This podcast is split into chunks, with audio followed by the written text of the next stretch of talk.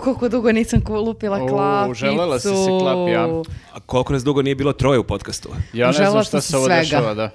Ovo Da, je- ti nisi bila tu sedam dana, si preživela. Jedva ljudi. Rekli su da nije korona, ali kao da je korona. Malaksala sam samo tako. Tako da nežno ove nedelje. Aha, da, Samo to- to nemojte ti je me- izgovor, jel? Znači- Nemojte mnogo da me nervirate, jer ako se mnogo trošim i pričam i, i izbacujem, onda krene da mi se manta u E. glavi. Ne možeš odmah da nas limitiraš, znači mi smo Apsolutno, čekali mogu i čitav moram. jedan podcast te nismo imali i sad hoćemo svašta ti kažemo. I mi smo su želeli. Hoćete svašta da mi kažete? Da, da, Da, da. imamo svašta da ti kažem. Da, za početak, jesi sigurno da to nije korona? Jel treba se ja malo A, udariti? Ne Ja- bre, testirala sam se Ja čoveče, sam na naravno. bezbednoj udaljenosti, Da, mislim. da. Ovi, ti nisi baš, ali ovi, e, ti kad pričaš ili savjetu kreni glavu. na Još ovo. jedan razlog više da me ne terate da se derem i da bljujem vatru, jer onda neću potencijalno da vas zarazim iako sam sada zdrava. Okej. E, Dobro, i- e, imaš cigarete na stolu, moram ti kažem. A gde su ostali?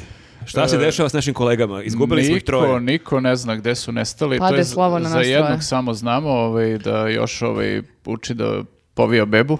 Jel naučio? je? On, on kaže da je Valjda naučio, ali ja ne znam da li da mu verujem. Pa ne znam, moramo da pitamo njegovu ženu, jer ona je objektivno Da, tu. u sljedećem podcastu Maša. Da, Mašo, ako, si, ako ovo gledaš, napiši u komentarima, zna li ovaj Viktor Znali nešto? išta da radi?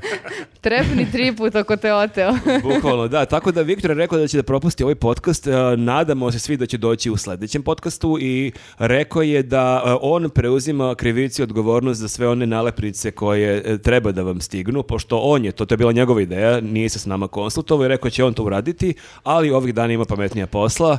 Da, Da, malo kasni sa tim. da mota pelene umjesto što treba da mota papirići u koverte i ostalo, tako da se izvinjava i poslaće vam. Jeste, ali spremio je najveći deo toga, tako da uskoro će ovaj, I- da bude poslato. To ne znači da vi ne treba dalje da se prijavljujete na, na naš mail ili e, na Instagramu i da pišete vaše informa- sve potrebne informacije i Viktor će vam sigurno do kraja godine najkasnije sledeće poslati. Dve, najviše dve i po godine. U trećem Poslati. kvartalu 2023. A dobro, za njega znamo šta je, ali šta je sa ovom drugom dvojicom? Isforsirali su se. Niko ne zna, da, preterali su malo u prethodnom periodu, ono, pojavili se više puta ovaj, i to ih je dokusurilo. Da, mislim, Grafa je bio u dva podcasta za stopnu i on se dalje oporavlja. Da, to I se- dalje ima upalo mišića. Ide čovek na odmor. Ja ne znam da li se to desilo od početka podcasta. Ne znam, da, tako da, evo, ove nedelje smo njih dvojice izgubili, ja se nadam da će neko od njih dvojice doći u sledećem, ali ajde da, da ne obećavamo ništa. Dobro, dobro, ali ja, umjesto njih dvojice imate evo jed, mene jednu, Misliš da jedinu. e, vrediš samo više nego njih dvojice? neko, neko ne, ode- naravno, ali neko se vrati, pa sad. Neko do, ode, neko se vrati, tako ti je to. To je kruženje podcastera u prirodi. To ti je život. Jeste. E, možemo sada da počnemo. Ne možemo. Možemo, ajde. O- Ovo je sve bio početak. Ok, a, znate svi kako se približava Crni petak? U što volim crni petak. I non stop su neke a, reklame, Neke akcije. akcije, samo sad i nikad više. Jeste. I c- a mi ovog puta učestvujemo u Crnom petku, ali na poseban način, moram da kažem. Naš Da. Crni petak je, koje boje? Z- Narančaste. Da! Dakle, Jeste, vidi to. ovo Ko šta nas piše sluša, ovde. Ovo je- podigli smo naranđaste šolje. Samo da podsjetim, naš najverniji sponsor od početka su prepoznali naš potencijal i vidi nas sad. Carine. Mm. Carine iz Vozija, tako da i one imaju crni petak. Da, koji I- je naranđaste da. boje. Traje od 21. do 27. Tako je. e, novembra. Jeste, i što je najbitnije od svega, za razliku od možda drugih koji nude, ne znam, neke nenormalne popuste koji su u stvari 5, 10, 15%, ovi ljudi su stvarno se isprsili onako što se kaže junački i daju 30% popusta na sve pakete, znači na RS, na Evropu i na Evropu Max. I to Jeste. ne... I to je dobra stvar što nisu samo popusti za nove e, korisnike, već ne zaboravljaju i na s- stare korisnike. Dakle, ako vam ističe a, paket u narednih 120 dana, Mogu. vi možete sada da uplatite. Jeste, i onda kada krene sledeći paket, on će biti umanjen za 30%. Da, Jedino ja- što još nismo izvini na reci. Reci, reci. Ne, teo samo da kažem da nismo opet rekli za one koji nas prvi put gledaju šta je vozi. Nenade, Uvek izvoli. polazimo od toga da svi sve znaju, da svi binđuju svaku našu epizodu, to ne treba tako. Vozi je jedna n- e, najcarskija aplikacija na svetu koja je prepoznala potencijal Newsnet, Newsnet podcasta još e, pre godinu i nešto Tako im dana. stoji u opisu. Osim da. toga, Tako je. ali šta oni... Ali osim toga, šta, šta korisnici imaju aplikacija od koja vam toga? pruža pomoć na putu, ali mislim to nije manje, to je manje bitno koliko je bitno da nas podržavaju. Da, meni je bitno da, e, da e, kažemo e, što je, e, osim što ako ste vi vozač i stane vam auto, desi bilo koji kvar, možete da aktivirate tu aplikaciji da dobijete pomoć, ali ono što je sjajno kod vozi je što vi uopšte ne morate da budete vozač. Dakle, ja mogu da imam vozi paket, da mene vozi neki drugar, neka Jeste, drugarica, njemu se pokvari njima auto. stane auto, ja aktiviram svoj paket i oni dođu i I, pomogu njima. I akate. Da, tako da jedini uslov da budeš u kolima. Dakle, ne možeš sad ti od kuće da im ono, ustupiš, ali ako si u kolima ne moraš da si vozač.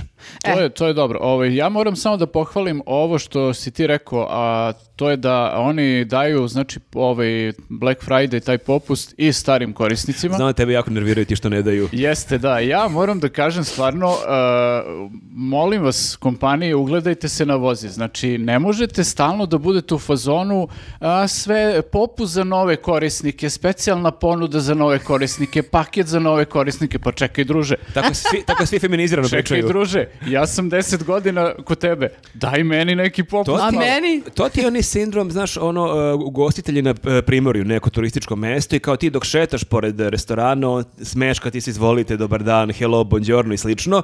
Čim sedneš, njega boli uvo, on ide Jeste, sledećeg. jeste. I sad Ne, kad će o- tebe neko da usluži, to nije oni, bitno. O, da, oni računaju ono kao ti si sigurica, ti si, Ti si sa njim njihov. godinama i kao to je to, ne moraju ništa više da se, da se cimaju oko tebe, nego oni kao jure nove ljude da privuku, ali čekaj druže, nisam ni ja sigurica, ja ako se I stvorim ja mogu tu, da odem. I ja mogu da odem, pa ćeš onda mene da... Moraš da se trudiš da me zadržiš. nut- nutkaš novim ponudama, tako Malo da... romantike. Ta- Tako da me- Molim vas, e, obratite pažnju i na postojeće korisnike, ne samo da privlačite nove, super je i to, ali kao i mi postojeći korisnici smo nešto, Kada neki kažemo korisnici. postoji- postojeći korisnici, mislimo konkretno na Ne- Nenada. Nenad- Obratite, ko, molim vas, kompanije, pažnju na Nenada. Da, dajte stvarno. čoveku. Nenad pokreće ono protest postojećih korisnika raznih ono Da, da, usluga. parada postojećih korisnika. I mi nešto vredimo. Transparenti bi bili super. E, I mi smo totalno okej. a, Uh, u opisu ovog videa a, ćemo podeliti link sa vama a, koji, a, preko kojeg možete da kupite ove pakete na popustu od 30%. A, isto je važno da napomenemo da ovaj popust dostupan i za Srbiju, i za Bosnu, i za Makedoniju, a, i za Crnu Goru i to u aplikaciji u web shopu, a na prodajnim mestima a, a, vozija to sp- možete da kupite samo u Srbiji. Sjajno. I možemo sad da, pre kolegijuma da kažemo da se zahvalimo ljudima koji nas podržavaju na Patreonu i na YouTubeu. Mi smo danas saznali koliko nas lju- ljudi podržava na YouTubeu. Da. Skoro 300. Skoro Pa, 300. e, e, zaborav- ja se nadam- 261. Ne, ne, 291. 290 i nešto. 291, možda je taj broj narastao do 300 već sad, ko zna, možda Jeste. je neki otišao. Tako da smo konačno saznali Ovaj, tu ekskluzivnu da. vest. I čeki, Beše, e, za, rekla je Nikolina šta da kažemo ljudima, dakle, da šta, kako se tačno podržava news na YouTubeu, dakle, treba se klikne, propustila sam jel neko razumeo? Da, znači ono kad se kaže On je pretplatite štreber. se, nije, nije to kao ovaj, ono subscribe, nego imate opciju dugme join koje je tamo vidljivo i ako hoćete da donirate i preko YouTube-a, znači ne morate Patreon ako vas to smara, ali kao ako hoćete preko YouTube-a imate dugme join i kad kliknete na to dugme, ovaj, otvorit će vam se dalja procedura kako, kako ide. E, Jeste. I pazi sad ovo, izvini molim te, ali vrlo mi je važno ovo da kažem, je- da povežem samo jer je to mnogo važno. Mi se brinemo o našim postojećim i o novim korisnicima. Jest. Jer mi za naše postojeće korisnike snimamo svake nedelje po jedan poseban video a, koji a, kačimo na Patreonu i YouTube. A i za nove takođe to radimo. Ali, a za nove, ne samo da snimamo nove, nego im dajemo i sve prethodne.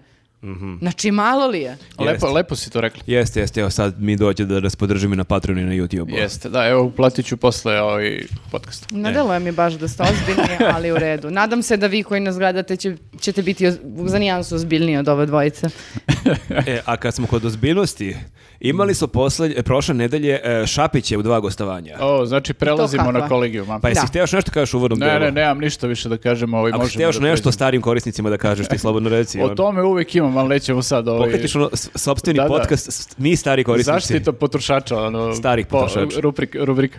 A, prva stvar koju, s- pošto sam bolovala, bila sam isključena apsolutno iz sve, svih e, važnijih vesti, a, prva stvar koju sam ukačila jeste Šapićevo gostovanje kod Jovene e, na K2 i e, moram... Ka jedan. K2. K1, K1. K2 je grupa koja nažalost K2. više ne postoji. A, na K1 i prvi Ali bih utisak... volao da gledam, izvini, volao gledam Šapić, e, da se K2 ponovo oforme i da Šapić, da recimo urede novu, novu verziju pesma Ajmo u život, Ajmo u život. ali da Šapić baca neke rime.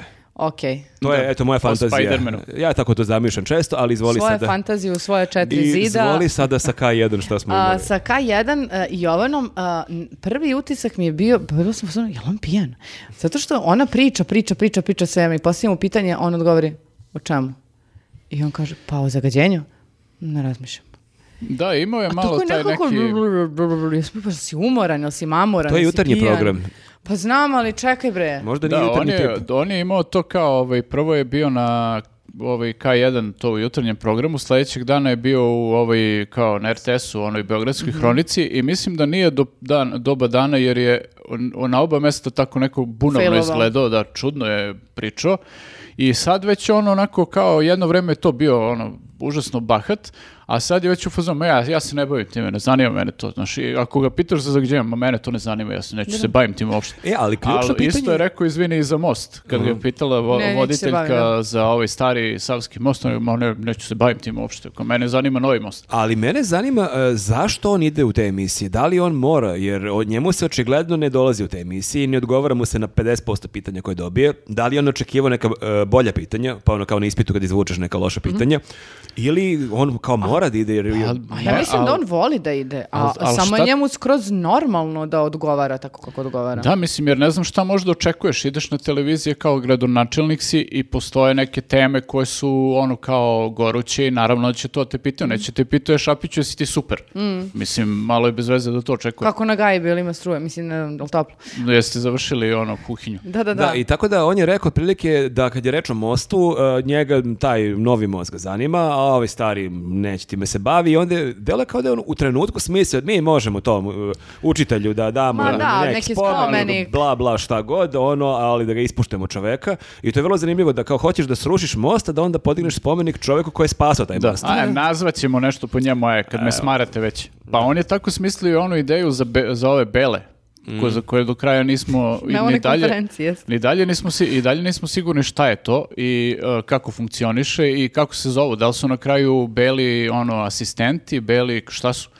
Ovaj, Tako da i tu je ideju bukvalno smislio na konferenciji za štampu, ono kad je pričao o tome. To su oni ljudi Mm. Voli koji... spontane ideje, Voli čovjek. spontane, pa mi imamo i s Kesićem kad radimo, imali smo razne goste koji neki kao žele da dobiju pitanje u napred, a neki hoće spontano. I onda je problem s- e, sa tim koji hoće spontano, šta ako nisu dovoljno, ako nemaju dovoljno jak kliker da budu Moraš spontani. da budeš baš dobar za to. A da. Šapić očigledno ima to samopouzdanje da ne moram da se spremim čim se kamera uključi ja u trenutku smišljam. zablista. Zablista i pa da, baš zablista. Pa A da, znaš šta? ali dođe do toga da je on ovaj Jovan i voditeljki u jednom trenutku rekao, pa dobro, kao, kažite vi meni šta da radim sa zagađenjem, Da, da. a ona je rekla, pa ja sam voditeljka, kao, nije to moj posao da ja smišljam šta ćemo sa zagađenjem. Mm, Upravo mi je to, da, da, sam to tela da pomenem, koliko mi je fascinantno da s jedne strane taj bahati moment ne zanima me, neću da pričam o tome, to uopšte nije mani tema, baš me briga šta me vi pitate, a da sa druge strane za goruće probleme ti pitaš novinarku da ti ona kaže šta je rešenje. I onda kad ona kaže ja ne znam šta je rešenje, ja nisam na, na čelu grada, vi ste,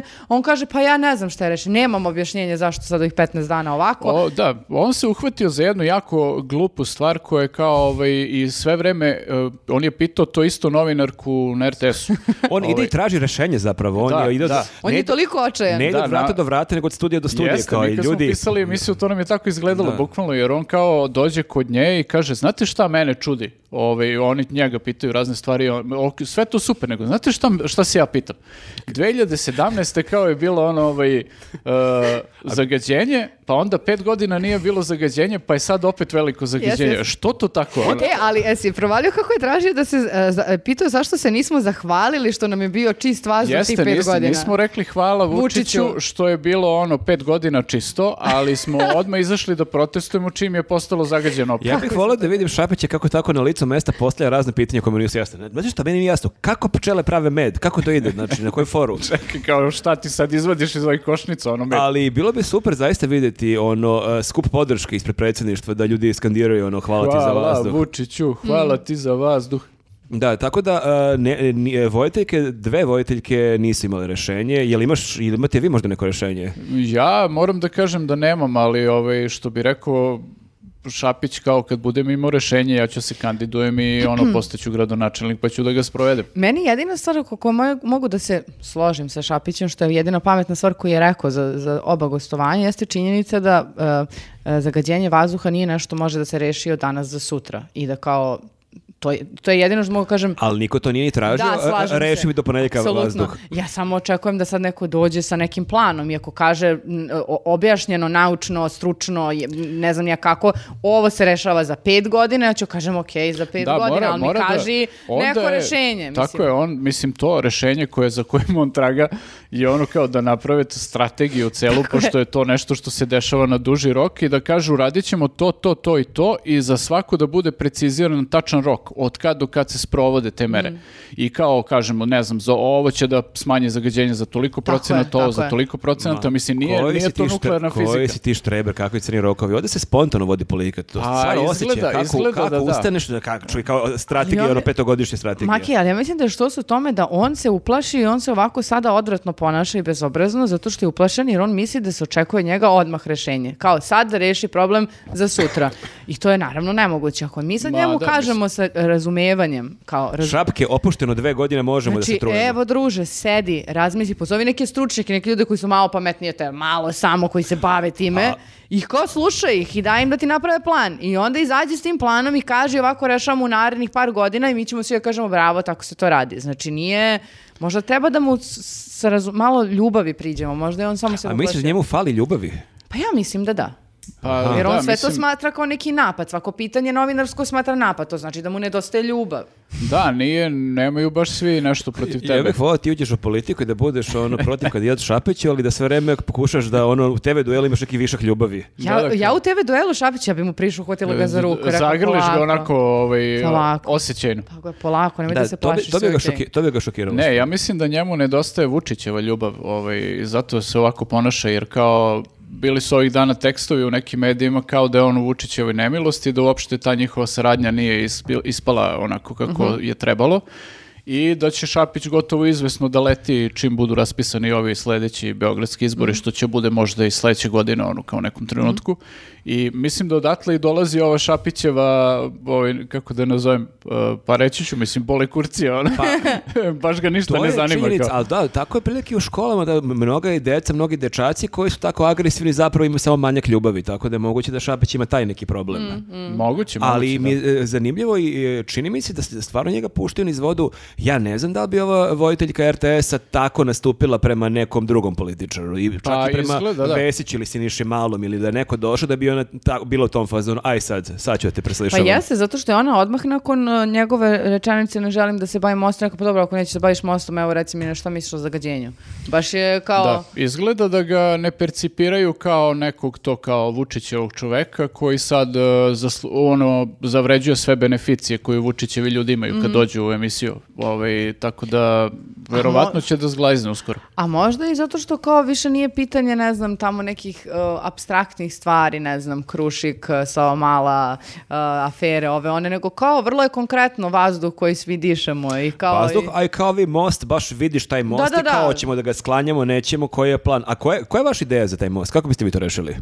Pa E, Što si šapić, brate, prema meni? Pitam, Kao šta ja pričamo, imam da pričamo. rešavam most? E, ja, ja bih ostavio taj most tu gde jeste, samo bih e, napravio od njega most e, za pešake i bicikliste. Ali samo jedno pitanje, možda E, I, padne i s Marsa. trotinetiste. A, na. O kom mostu pričamo? ne, ne, ne, naravno, samo o kom mostu pričam. Nego, zašto uopšte taj most mora da se skloni? Zašto taj most se ne Pa, ostavi da, ja i bi onda ga se ostavio. pored tamo negde dalje Znaš šta, sagradi novi most? Taj most se raspada stvarno, to je činjenica i ono pogotovo kad voziš zaista je onako opasno deluje dok- dok voziš pod njemu, nego e, i- i mene samo zanima a, da li taj most može da se malo rekonstruiše. Jer, Recimo ja sam pre neki dan vozio do Pančeva i na ulasku u Pančevo ima vrlo sličan most, onako Mhm. estetski gledano kao da iz tog nekog perioda, ne znam tačno, istorijat, koji je super, znači protiš Ma, može kolima to da se bez ikakvog sredi. Ima i problema. žardinjera, one. Jeste i ne trese se, nemaš neke, ma ok, tu ne, ne idu tramvaji po njemu, ali u svakom slučaju deluje da nije nemoguće Ma, most nije toliko nemoguće, star da. o- održavati. Pazi, dovedeš neke ono klince da ga oslikaju, da ga šaraju, da bude lepo, ono, okitiš ga ko kafić iz Cetinske i kao super bi bio. Šta si e, Je, Znači, mene pogledao? eto, eto Jelisaveta. Ili sad to ono, Hoćemo da izblejimo na mostu danas. Ovaj, Je li savjeti kralj Čačka? E, Da, tako da mislim da bi bilo izvodljivo i da se tu voze bajsevi, da ljudi šetaju, da se okiti cvećem, ali bukvalno, mislim, kao što imaš one u, po Knez Mihajlovoj, recimo, one viseće saksije i to, može bude jako lepo ako hoćeš to da Ja uradiš. sam mislio da je Nenad Metalac, a Nenad je zapravo hipik. Hoćeš cve, Ma, cveće ja, i da, gitare. mislim, ja volim Metalac te... u duši hipik. Pa jao. da, ja volim te tako lepe stvari da to sve bude onako uređeno i Hiljade skockano. lepih stvari. E, ali problem je, da, u, u teoriji je to tačno, ali koliko sam shvatio, a nisam građevinski inženjer, nisam završio ni saobraćajni fakultet, ali mislim da je problem kod mosta što ti ipak ne možeš samo da podigneš nov most, ti moraš da napraviš neke prilazne puteve, ulice, ne možeš ti tek tako da Moraš, 100 naravno, metra da. levo desno od tog mosta napraviš nov most bez ikakve ono načina da prijeđeš. Mislim da e, most mora da bude na tom delu, jer tu već imamo ulice. Pa to je pitanje. Ja nisam shvatio da li oni nameravaju na istom mestu da naprave kao taj most, pa da iskoriste ove postojeće saobraćenice Mislim da je to pristupne. fora, da sam čak vidio neku sliku da će čak taj novi most i delovati da će podsjećati malo i novi samo, Aha. Mhm. neka cyber verzija ovog mosta. A jel vam deluje da je to baš konkretno da su se uvatili za taj most zbog e, gospode koji žive u Beogradu na vodi? Pa to jesu sigurno. da nekako mislim, im to bude je- lepše, da im ne se ne čuje toliko, da ne bude bučno, da E, Priča, se drma... pazi, o- priča o tom mostu nije pominjana ono... o, pes- od kad je došao SNS na vlast, e, nije pomenuto ništa pre nego što su nikle one zgrade. Znači, nikad nisu pominjali taj most u smislu treba se ruši i ne znam šta. Tek kad je Beograd na vodi sagrađen, ono, te zgrade okolo, oni su počeli priču o tome, jer ok, kao on jeste jako bučan kad prolaze tramvaji preko njega Mhm. i kapiram da jeste Ne, tamo ja stvarno moram, pakao moram da živeti. kažem, evo sad, zaista moram da kažem ko nije iz Beograda, e, ko nije tu da prolazio, ja kad tu da trčim, kad imam slušalice, slušam muziku, ja muziku uopšte ne čujem od buke. Da, da, da, Stvarno to je, jeziva bu- jeste ogromna jeziva buka, da. ali kao ok, mislim, uh, možeš da to rešiš na taj način što će bude pešački most, na primjer, ne Ili moraš da ga pojačam, rušiš. pojačam muziku na Ili, slušalicama. na primjer, da, nagruvaš malo jače slušalice, tako da, ovaj, ali da, mislim da ve- ima veze prvenstveno sa tim. Pa i one splavove su po- pomerili, ili tako beže, Da, što koji da. su bili preko puta, neko koji im Ali- prave pa sam neki pazi, ugođaj mislim, da to bude A, pa fino. pazi, neko je platio sad ovaj, u prethodnom periodu 11.000 evra za kvadrat. Ono, Očekivao bi da za- ti bude miran Za kraj. neki dupleks u Beogradu na vodi. A, Ili- da, za te pare baš možeš da tražiš ono, Da, da, tražite, ti se da ti srede neke stvari. Ne, ne zuji ušima svakog dana od, Da, od da. Ali buke. znate kako ćemo cveće imati? Ma, Boli me uvo, druže. Ali cveće. znate šta je druga fora? Ja to shvatam da je, o, postoji taj neki razlog, ali ne znam koliko ste puta prolazili uveče tim krajem. Tamo bre niko ne živi. Mislim, to je i dalje sablasno prazno. Vi i dalje Mm. Uglavnom, kada da.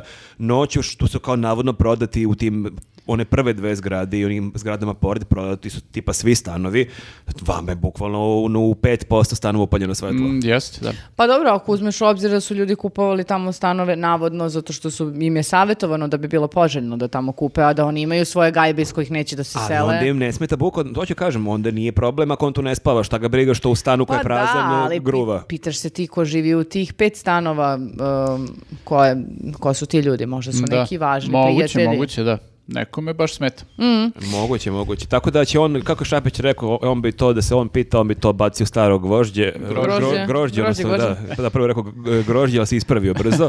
Da. ali e, e, zanimljivo je da nakon te njegove priče i to potpunom od, e, odsustvu bilo kakve ideje, čak i ona Vesićeva beskreno glupa ideja o stavljanju tog mosta na sred livade i, i otvaranju nekih restorana i kafića ispod tog mosta, čak i to delo je onako mnogo prihvatljivije nego da ovi to baci negdje neku deponiju. Da, ko bi rekao da ćemo da žalimo za Vesića? Vesera vizionar. Mm. A opet ćemo da dođemo u situaciju da smo e, mi protiv mosta, kao i oni ljudi u Novom Sadu. Znači kao mi smo, pro- e, evo i odmah sad da kažemo, mi nismo protiv mostova, samo što ovaj ne pro- pa- pa- popravimo, a novi most da stavimo negde levo, desno. Ma meni je okej da se stavi na to mesto novi most. Okej mi je, samo mi je besmisleno, bu- budalaština mi da ovaj most tako bacimo negdje. Ajde da smislimo to da bude neki Pričamo o pešač- mostu, ne pričamo o patikama majkomu, znači čekaj da vidimo šta možemo da uradimo s ovim da ga popravimo. Prodajemo ga na kupindu.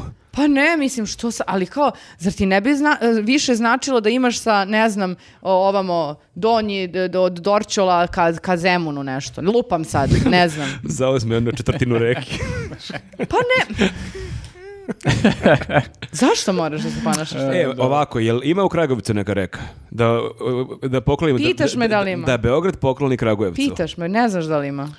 Pa ne znam u trenutku, evo, sad stvarno ne znam. Si, ver- pretpostavljam da ima, u većini gradova ima neka reka. Ima, reka. Lepenica. Ua, ja se ti stvarno rekao. izvinjam što nisam znao. Pa čak i dečko car nemaju majicu lepenice, toliko Ovo ne bi ti je baš rekao. zamerila. Pa čekaj, bukvalno imaš, imaju likovi sve, Ja neću, imaju to vam sve reke kažem. u ovoj zemlji na majicama, a lepenicu Da. nemaju. Ja neću reč da kažem, ja ću pustiti javnost da ti presudi. A ja prelazim na sledeću temu. Znači, Znaš ono, dobijem batine zbog lepenice. e, jel preko te lepenice... Sad si preterao, jel Dražiću. Ta lepenica šira od ovog stola, recimo. Jel treba moza nju? pa imamo bre mostove, šta pričaš? Dobit ćete još jedan, to, to, to si završio. E, To vam je od nas poklon. Hvala Kragujevčani, zahvalite se A vi ko- najtoplijim a vi koji rečima Maj- niste- Marko Vi Dražiću. koji niste Kragujevčani naučili ste za reku lepenicu. E, Da. idemo E, dalje. e, šta je dalje? Dačić je na proputovanju Wow, E, šta radi? i okačio je na Instagramu tako jednu onako šmekersku seksi sličicu sa trudom. a ima i sa Makronom. Ima, ima, a i to u nekom zagrljaju. Voli Francuze? Mm. Voli, voli. Pa to je bio i neki... e, E, meni je, da, meni je smešno, ovaj, to je neki summit Đerba. bio, da. Jeste. I meni je smešno što je Dačić u ovaj, e, e, ispod, u komentaru ispod e, slike sa trudom napisao u e, pra- u prijateljskom raz, kratkom prijateljskom razgovoru sa Trudom i ja se sve vreme pitam baš ovo- i- jako kratko. da, kako je izgledao taj razgovor i na kom jeziku je vođen, to me zanima. Da, to je summit e, frankofonije u Djerbi, u Tunisu. Aha, okej, pa da, Francuzi. Jeste i onda je on, pa da, ja bih stvarno voleo da, e, mislim, ova fotografija deluje kao da su oni u sred neke priče, ono 35. minut pa ćaskaju nešto. Pa i ne samo to, nego i njegov govor tela, baš fotografije koje je odabrao, u smislu on njega dodiruje, naslonio mu se na ramene, kako delo je da su vrlo prisni, mislim. A zamisli samo je Dačić rekao, aj kao da ispoziramo nas dvojica, ono nekoliko poza. Pa i ti to, ne može, da- fotka- I to ne može da kaže, mislim, I to bi kao, isto mora. zašto mi stavljaš ruku na rame? Samo ćuti, gle, ovamo, kao mi pričamo Da, hoćete ovog malog čudaka da sklonite od mene. Gospodine, nemojte da me dodirujete, molim vas, šta? Ali čekajte, Dačić je od onog, on- onih posljednjih njegovih blamiranja sa engleskim jezikom kad je bio šef diplomatije, prošlo je tipa 4-5 godina. Pa da, ali je francuski mnogo lakše da se nauči. A, Pa a sad. ti misliš da ono, ja, ja sada pitam da li je možda intenzivno učio engleski za ovih 4-5 godina i sad se pojavi Dačić sa ono British accentom, ono krene tamo. da, ja- Pa, ja "I bih- beg your pardon. Ja mislim. bih Sada je to, pardon. pazi, ja ne bih platio da gledam Dačićev e, ovaj, e, muzički nastup, ali bih platio da priča nešto na engleskom ono, i da ga slušam. Ne, ne, Kao e, stand-up. da spoji, da ima pesme, ali između pesama da priča sa publikom. Aha, ono kao da, ima forice neke i Are to. you having a good time i slično. A, da, zanimljivo je da je on, kad smo i u emisiji čak imali e, neki, o, kad je bio šef diplomatije, kad se nešto teško blamirao, kad je pričao engleski, ja se više ne sjećam gde je to bilo, E, bilo je baš mislim, ne- mučno za Neka gledanje. Južna Amerika je bila, ja mislim. A Da, on je- možda je bio umoran samo. On je, ne, on je čak rekao Kesiću, ono, k- kao ja nisam učio engleski, ja sam učio ruski.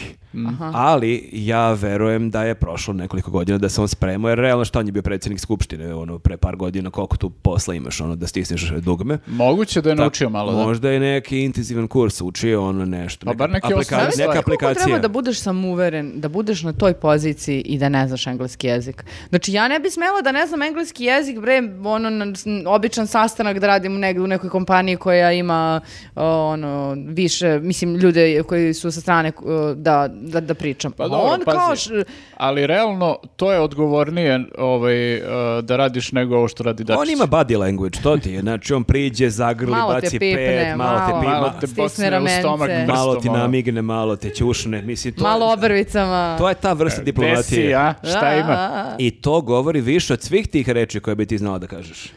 Da. Ovaj, sle, sledeća rečenica je, molim vas, pozovite obezbeđenje. Da, i onda, je, on- da, onda kad ga je ovaj skolirao, onda je prišao Makronu. Možda, da, a možda Dačić uvijek ima sa sobom nekog, li- mislim sigurno ima sa sobom nekog lika koji baš kida engleski i onda Dačić prvo tako ispipa, razumeš sve i odradi to sa facom I i, onda onda, ovaj kaže priča. sad ćemo vas Onda se ovaj izvinjava u ime. I'm deeply sorry. zemlje i čitave delegacije. Da, tako ide i ispipa sve. Uh, ne dobro. znam, ali me- meni je zabavno što imamo Dačića ponovo. Nekako nije on bio zaslužio da ga godinama gledamo samo kao za onim mikrofonom u skupštini. Nekako zabavnije nama, barem koji e, se bavimo ovim poslom, da ga gledamo više u ovakvim nekim Pa situacijama. jeste, da, i veće su šanse da se izblamira. Pa da, Što je nama jako zabavno, bitno, da. da. Um, e, idemo dalje. Idemo dalje.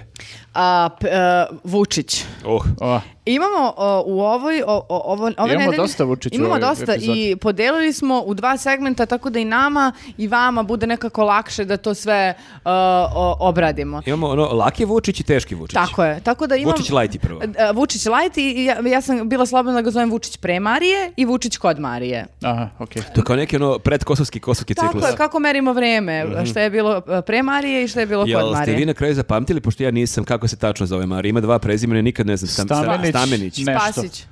Ok. Stamenić sigurno. Znamo jedno, dva prezimena. A ovo drugo ne znam. Ja sam te kažem Stamenković, ali dobro, znači Stamenić. Ok. Marija. Pa, Marija. Nije ok. Marija sa prve. Marija sa prve zvuči, da, zvuči bolje. Ali pre Marije, šta je Vučić radio? E, Išao je da se nađe sa savjetnikom čečenskog e, e, vo- vođe, ali is- ispravno tako reći. Da, i da, ja ne znam taj lik šta je, da li predsjednik ili kralj ili car. Je Nemam to pojma. moderni savjetnik čečenskog Pa, lidera? e, n- znaš šta e, sada? On je dobio to, o, imamo sliku da se sliko ko normalan državnik, razumeš? A onda stvar kreće da se lomi. Ja kad sam prvi put vidjela tu sliku, ja sam pisala Nenadu, ja sam stvarno mislila da haluciniram jer sam se tog trenutka probudila. A, I bilo sam, pozorno, ovo je nemoguće. Kao, Da, zamisli tebe, od, koliko si imao, 39 temperatura? 38, znaš, ono, ne znam Pali gde se telefon. nalazi. Sliku, da. Uje. I kao sam, gleda- to- gledajte Vučić, ćao Elisaveta. Da, to je moment ono kao u crtaću kad vidiš nešto i onda baciš ono bočicu sa alkoholom ono Da, da. iz džepa. Kao pa Pa ono da. moram da prestanem da pijem. E, dakle, on je dobio tu neku nošnju i odlučio da je super cool da on tu, tu- to mm, obuče sad. A ne možeš da ne, to je kao kad ti kupi ono Kevina drugarica džemper i kao d- da dobiješ pred njom i kao moraš da obuče i kažeš ja divan i super mi stoji. Da, da, oček, Jeste, pošto- očekuju od tebe da probaš to. odmah. Jeste, jeste, pošto je to baš ono nekako isto u odnosu na predsjednika, ovog savjetnika pred celim svetom i tako dalje i mamina prijateljica koja mi kupi i ja. Ja mislim da, Da, pazi, Vučić da. Mm. voli da se slika u neobičnoj garderobi. Mislim da je njega to da je njemu to zabavno. voli Pa mo- u duksu moguće, da se da. slika ovako onako. Misliš da zavidi Maji Gojković dosta? Mislim da e, nije kao možda da vapi, ali u fazonu što da ne. Ali dobra stvar sa ovim e, sa ovom nošnjom koju je dobio je to što izgleda lako može da se obuče, znaš, samo navučeš ovako na ramena i to je to kao i ono držao je kapu, mislim, ovaj e, u rukama zato što jel on ne nosi ni kape ni Mm. kišobrane nikad. I ovaj i e, nekako je ovaj nije mu cimanje. Zamisli da je on morao na primjer da je on sada ovom našem e, to jest ovom čečenskom savjetniku našu nošnju trebalo bi mu tri Baš dana dosta da se detalja. obuče. Da je ono. dobio neke dugačke gaće. E, ali Pa dobar je imaš, onaj. imaš čakšire, imaš ono i pojas koji moraš da vežeš, imaš Mm. e, opanke Kao, one, kao znaš. Memedović kad je e, Jeste, one da. nakrudnjak uz- stavljao i slično nešto. Da, da, pa baš je Ruku na proces da srce, obučeš. ja moram da vam priznam da je meni onaj beli gunj onako vrlo stylish. Ja ruku na srce tebe skroz mogu zamislim da dođeš da kažeš okupila sam u second hand shopu za 200 dinara ovo ovaj, čudo. beli gunj je nešto što će Balenciaga sledeće godine da obradi. Odlično ono, izgleda. verovatno. Ja samo da vam kažem, ja, ja sećam se, pre par godina bi, e, smo e, na, nakon nekog dru- druženja e, e, se probudili na gajbi, ja sam vidjela e, kazahstansku narodnu nošnju. I ja sam Druženje, je pa- obukla. druženje je baš pla- prava reč. Druženje, jer kako je sad e, Sedeljka. žurka ako se ujutro nisi probudio u kazahstanskoj narodnoj nošnji? Ja. Ja. jesam, imam sliku da to i dokažem i bila je fantastičan osjećaj. Tako da u neku ruku... Hoćemo da okačimo tu sliku. Možemo. E, super. Tako da u neku ruku mogu da razumijem Vučića onda kad je dobio ovaj b- ovu belu gunčinu, stvarno izgleda super, ja bi iskreno to furala, još plus je toplo sad, razumeš? E sad Jeste. šta je samo problem? Ako neko ima da pokloni koleginici ovako nešto, ona će to stvarno nositi. Ali ne, da, ja, ja nju E, kako znam. ono, je strah u Prvi, očima. da, prvi dan će se Ne, pojaviti u nije ona redakciji. o fora tome. kao kad će fotko na Instagramu kao Ne, he he. ne, ne. ona će baš Ne, u full to da lagano. nosi. Da, da, Pa brate, ako imaš stila, malo to uz neki kajš, ako nešto... ima neko da je, ti je četiri broja veće, Da, recimo, nije onda je još to, bolje. znaš. Nije, četiri može da, d- d- broj dva, zato što onako malo ima landaravo. Znaš je kako bolje. se kaže, nije pitanje šta nosiš, nego kako nosiš. Tako je. Tako da... vu- Što bi rekao Pixiš kad je citirao Aleksandru Prijević, nije kome je dato, nego kome je suđeno. E, tako to, beše. to, E. da. Jeste. Mislim da je to ti rekao i mno- mnogi drugi ljudi sem E, Aleksandar ja mislim da to Prijović. nije baš misao. Prvo, ne znam da li Aleksandra Prijević piše svoje pesme, a drugo, to nije baš njen Verovatno. originalna misao, ali jako je bilo Da. zabavno gledati Pixija, onako Koji mrtvog, citira mrtvog Aleksandru ozbiljno koji Prijević, da. citira Aleksandru Prijević, ali nemojte ovo da shvatite kao kritiku Pixija, svim srcem ono, podržavam Pixija, ovo je bila mala digresija, idemo dalje s Vučićem. Jo, poludeć. Ne znam, ja sam jako naložen sada na Katar i sad mi je žao što u vama, u vama nemam sagovornika i za to. Ja se psihički... Ja, ja sam gledao utakmicu juče. Ja- Ja, juče- sam prvu utakmicu. bila isto primorana da gledam Katar s kim je beš igrao sa, e, o, sa Uzbe- ne Uzbe- E- Ekvadorom. Ekvadorom, znači bilo je uključeno, morala sam i p- o, prenos da gledam svečanog otvaranja kad onaj korejski pevač peva i kad državne govore, znači baš se, n- n- najviše mu u stvari brine od svega što to traje 27 dana, brate. Ti baš odbrojaš, ono, lupaš reći kao u zatvoru kad, Pa kad s obzirom prestane. da, na to da moj momak deli sličan entuzijazam kao ti i da je u fazonu svaki dan po ceo dan, ja ne znam čemu da se nadam narednih 27 to dana. je, pa svaki dan po tri utakmice, znaš ti šta je to? Moja se žena iskreno iznenadila kad sam joj rekao, kad je u stvari shvatila pre neki dan da će gledati utakmice i u kojima ne igra Srbija. Pošto ona Dakle. negde je bila spremna kao, What? ok, tri utakmice Srbija, ako prođemo još jednu, dve, cool, ali onda je e, shvatila, ali kao čekaj, ti ćeš baš gledati onog kad ne igra Srbija, tako da, Da. nije lako. A, E, Dobro, a mene je žena pitala juče kad sam gledao ovu utakmicu, nije da li ću da gledam utakmice kao to u kojima ne igra Srbija, nego šta, ti ćeš sad da gledaš futbol narednih dana. Pošto Ja ja, mogu- Pa- to inače ne radim, ali kao, ajde, svetsko Ali te prvenstvo uhvatilo te učestvujem. ludilo kao Ja sam- sad. stvarno Pa Jeste, da, mogu da kao- razumem da ti sad gledaš četvrt finale, polufinale, finale, pa i čak i neka zanimljiva utakmica, jel te u tim, kako se kaže, uh, pred fazama, šta god. Je li Ali da me savjeta- teraš da gledam, s, s- s- ko igra danas? Engleska, Irak? Šta- Molim E, Je, te. je li Iran, savete, ne igra Irak. je li savete bi našima rekla ono, super momci, javite mi se u četvrt finalu kad budete To bi bilo ono, sve zanimljivo. Ja i- ću da gledam naše, to, naravno. Bila bi vrlo, vrlo bi bila dosledna tom stavu da ne ideš na libanski film na fest. E, ovo kad gledaš Engleska, Iran i slično, to ti je libanski film na festu. Što je super. Jesi siguran?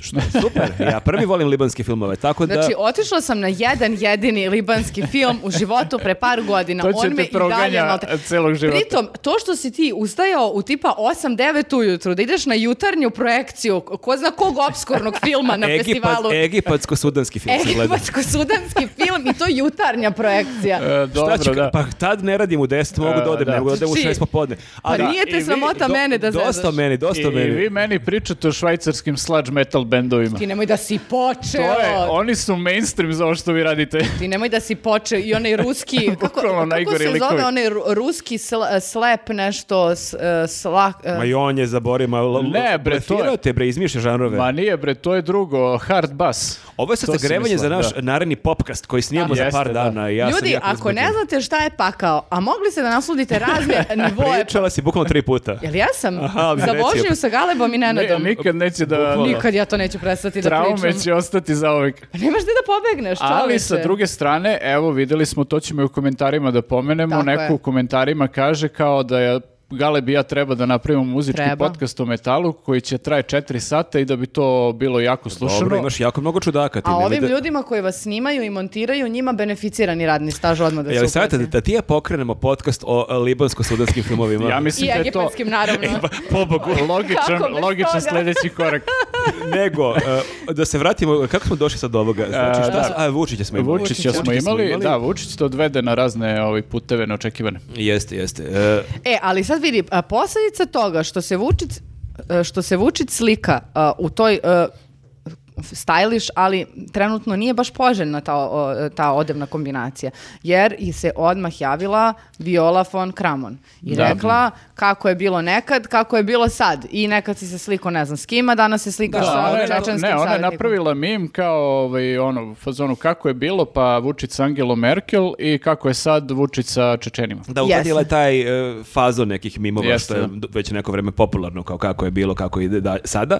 Pa dobro, mislim, to je baš dugo, nije sad kao mm, u nekom trendu. Pa dobro, da, ali dobro. Ali okej, a od simpatično. jednog- od Objašnjam jednog- za ljude koji da. su možda stariji, koji ne znaju u, u čemu je fazon. E, je- od jednog eurobirokrate, kad vidim i tako nešto, mi je okej, kao, jer ne očekujem od njih takve stvari. A onda se naša birokratkinja javi da zablista. Da, ali naša birokratkinja a, Ana Brnabić, ali koja kasni 12 sati, ali koja I koja se izvinila koja zato mora što da kasno- počne svoj odgovor e, Sa time što se time. izvinjava e, ljudi, ja sam ono u Singapuru, ne znam gde sam. Nebitni ste, ali- Druga vremenska, ne, ne, nije u tom kontekstu, nego u fazonu... Ne, izvinjam se što izvinjam kasnim sa odbranom Jeste, Vučića. Kasnim Aha. 12 sati, ali nisam u zemlji, u Singapuru sam druga vremenska zona, ono, spavala sam šta god, ali pazi sad ovo. I onda ona njoj kaže da bi mogla da nađe e, savjetnike za humor, ili tako nešto. Tako je. Da, ali da. to je bilo, k- znači on je imao neku kobasičetinu, d- jedan tweet da je tu nešto mazala, mazala, mazala, a onda u sledećem da se nadoveže na to je bilo, fazon, e da, PS kao i nađi savjetnika za humor, kao nije ovo dovoljno. Ovo dobro. nije smešno.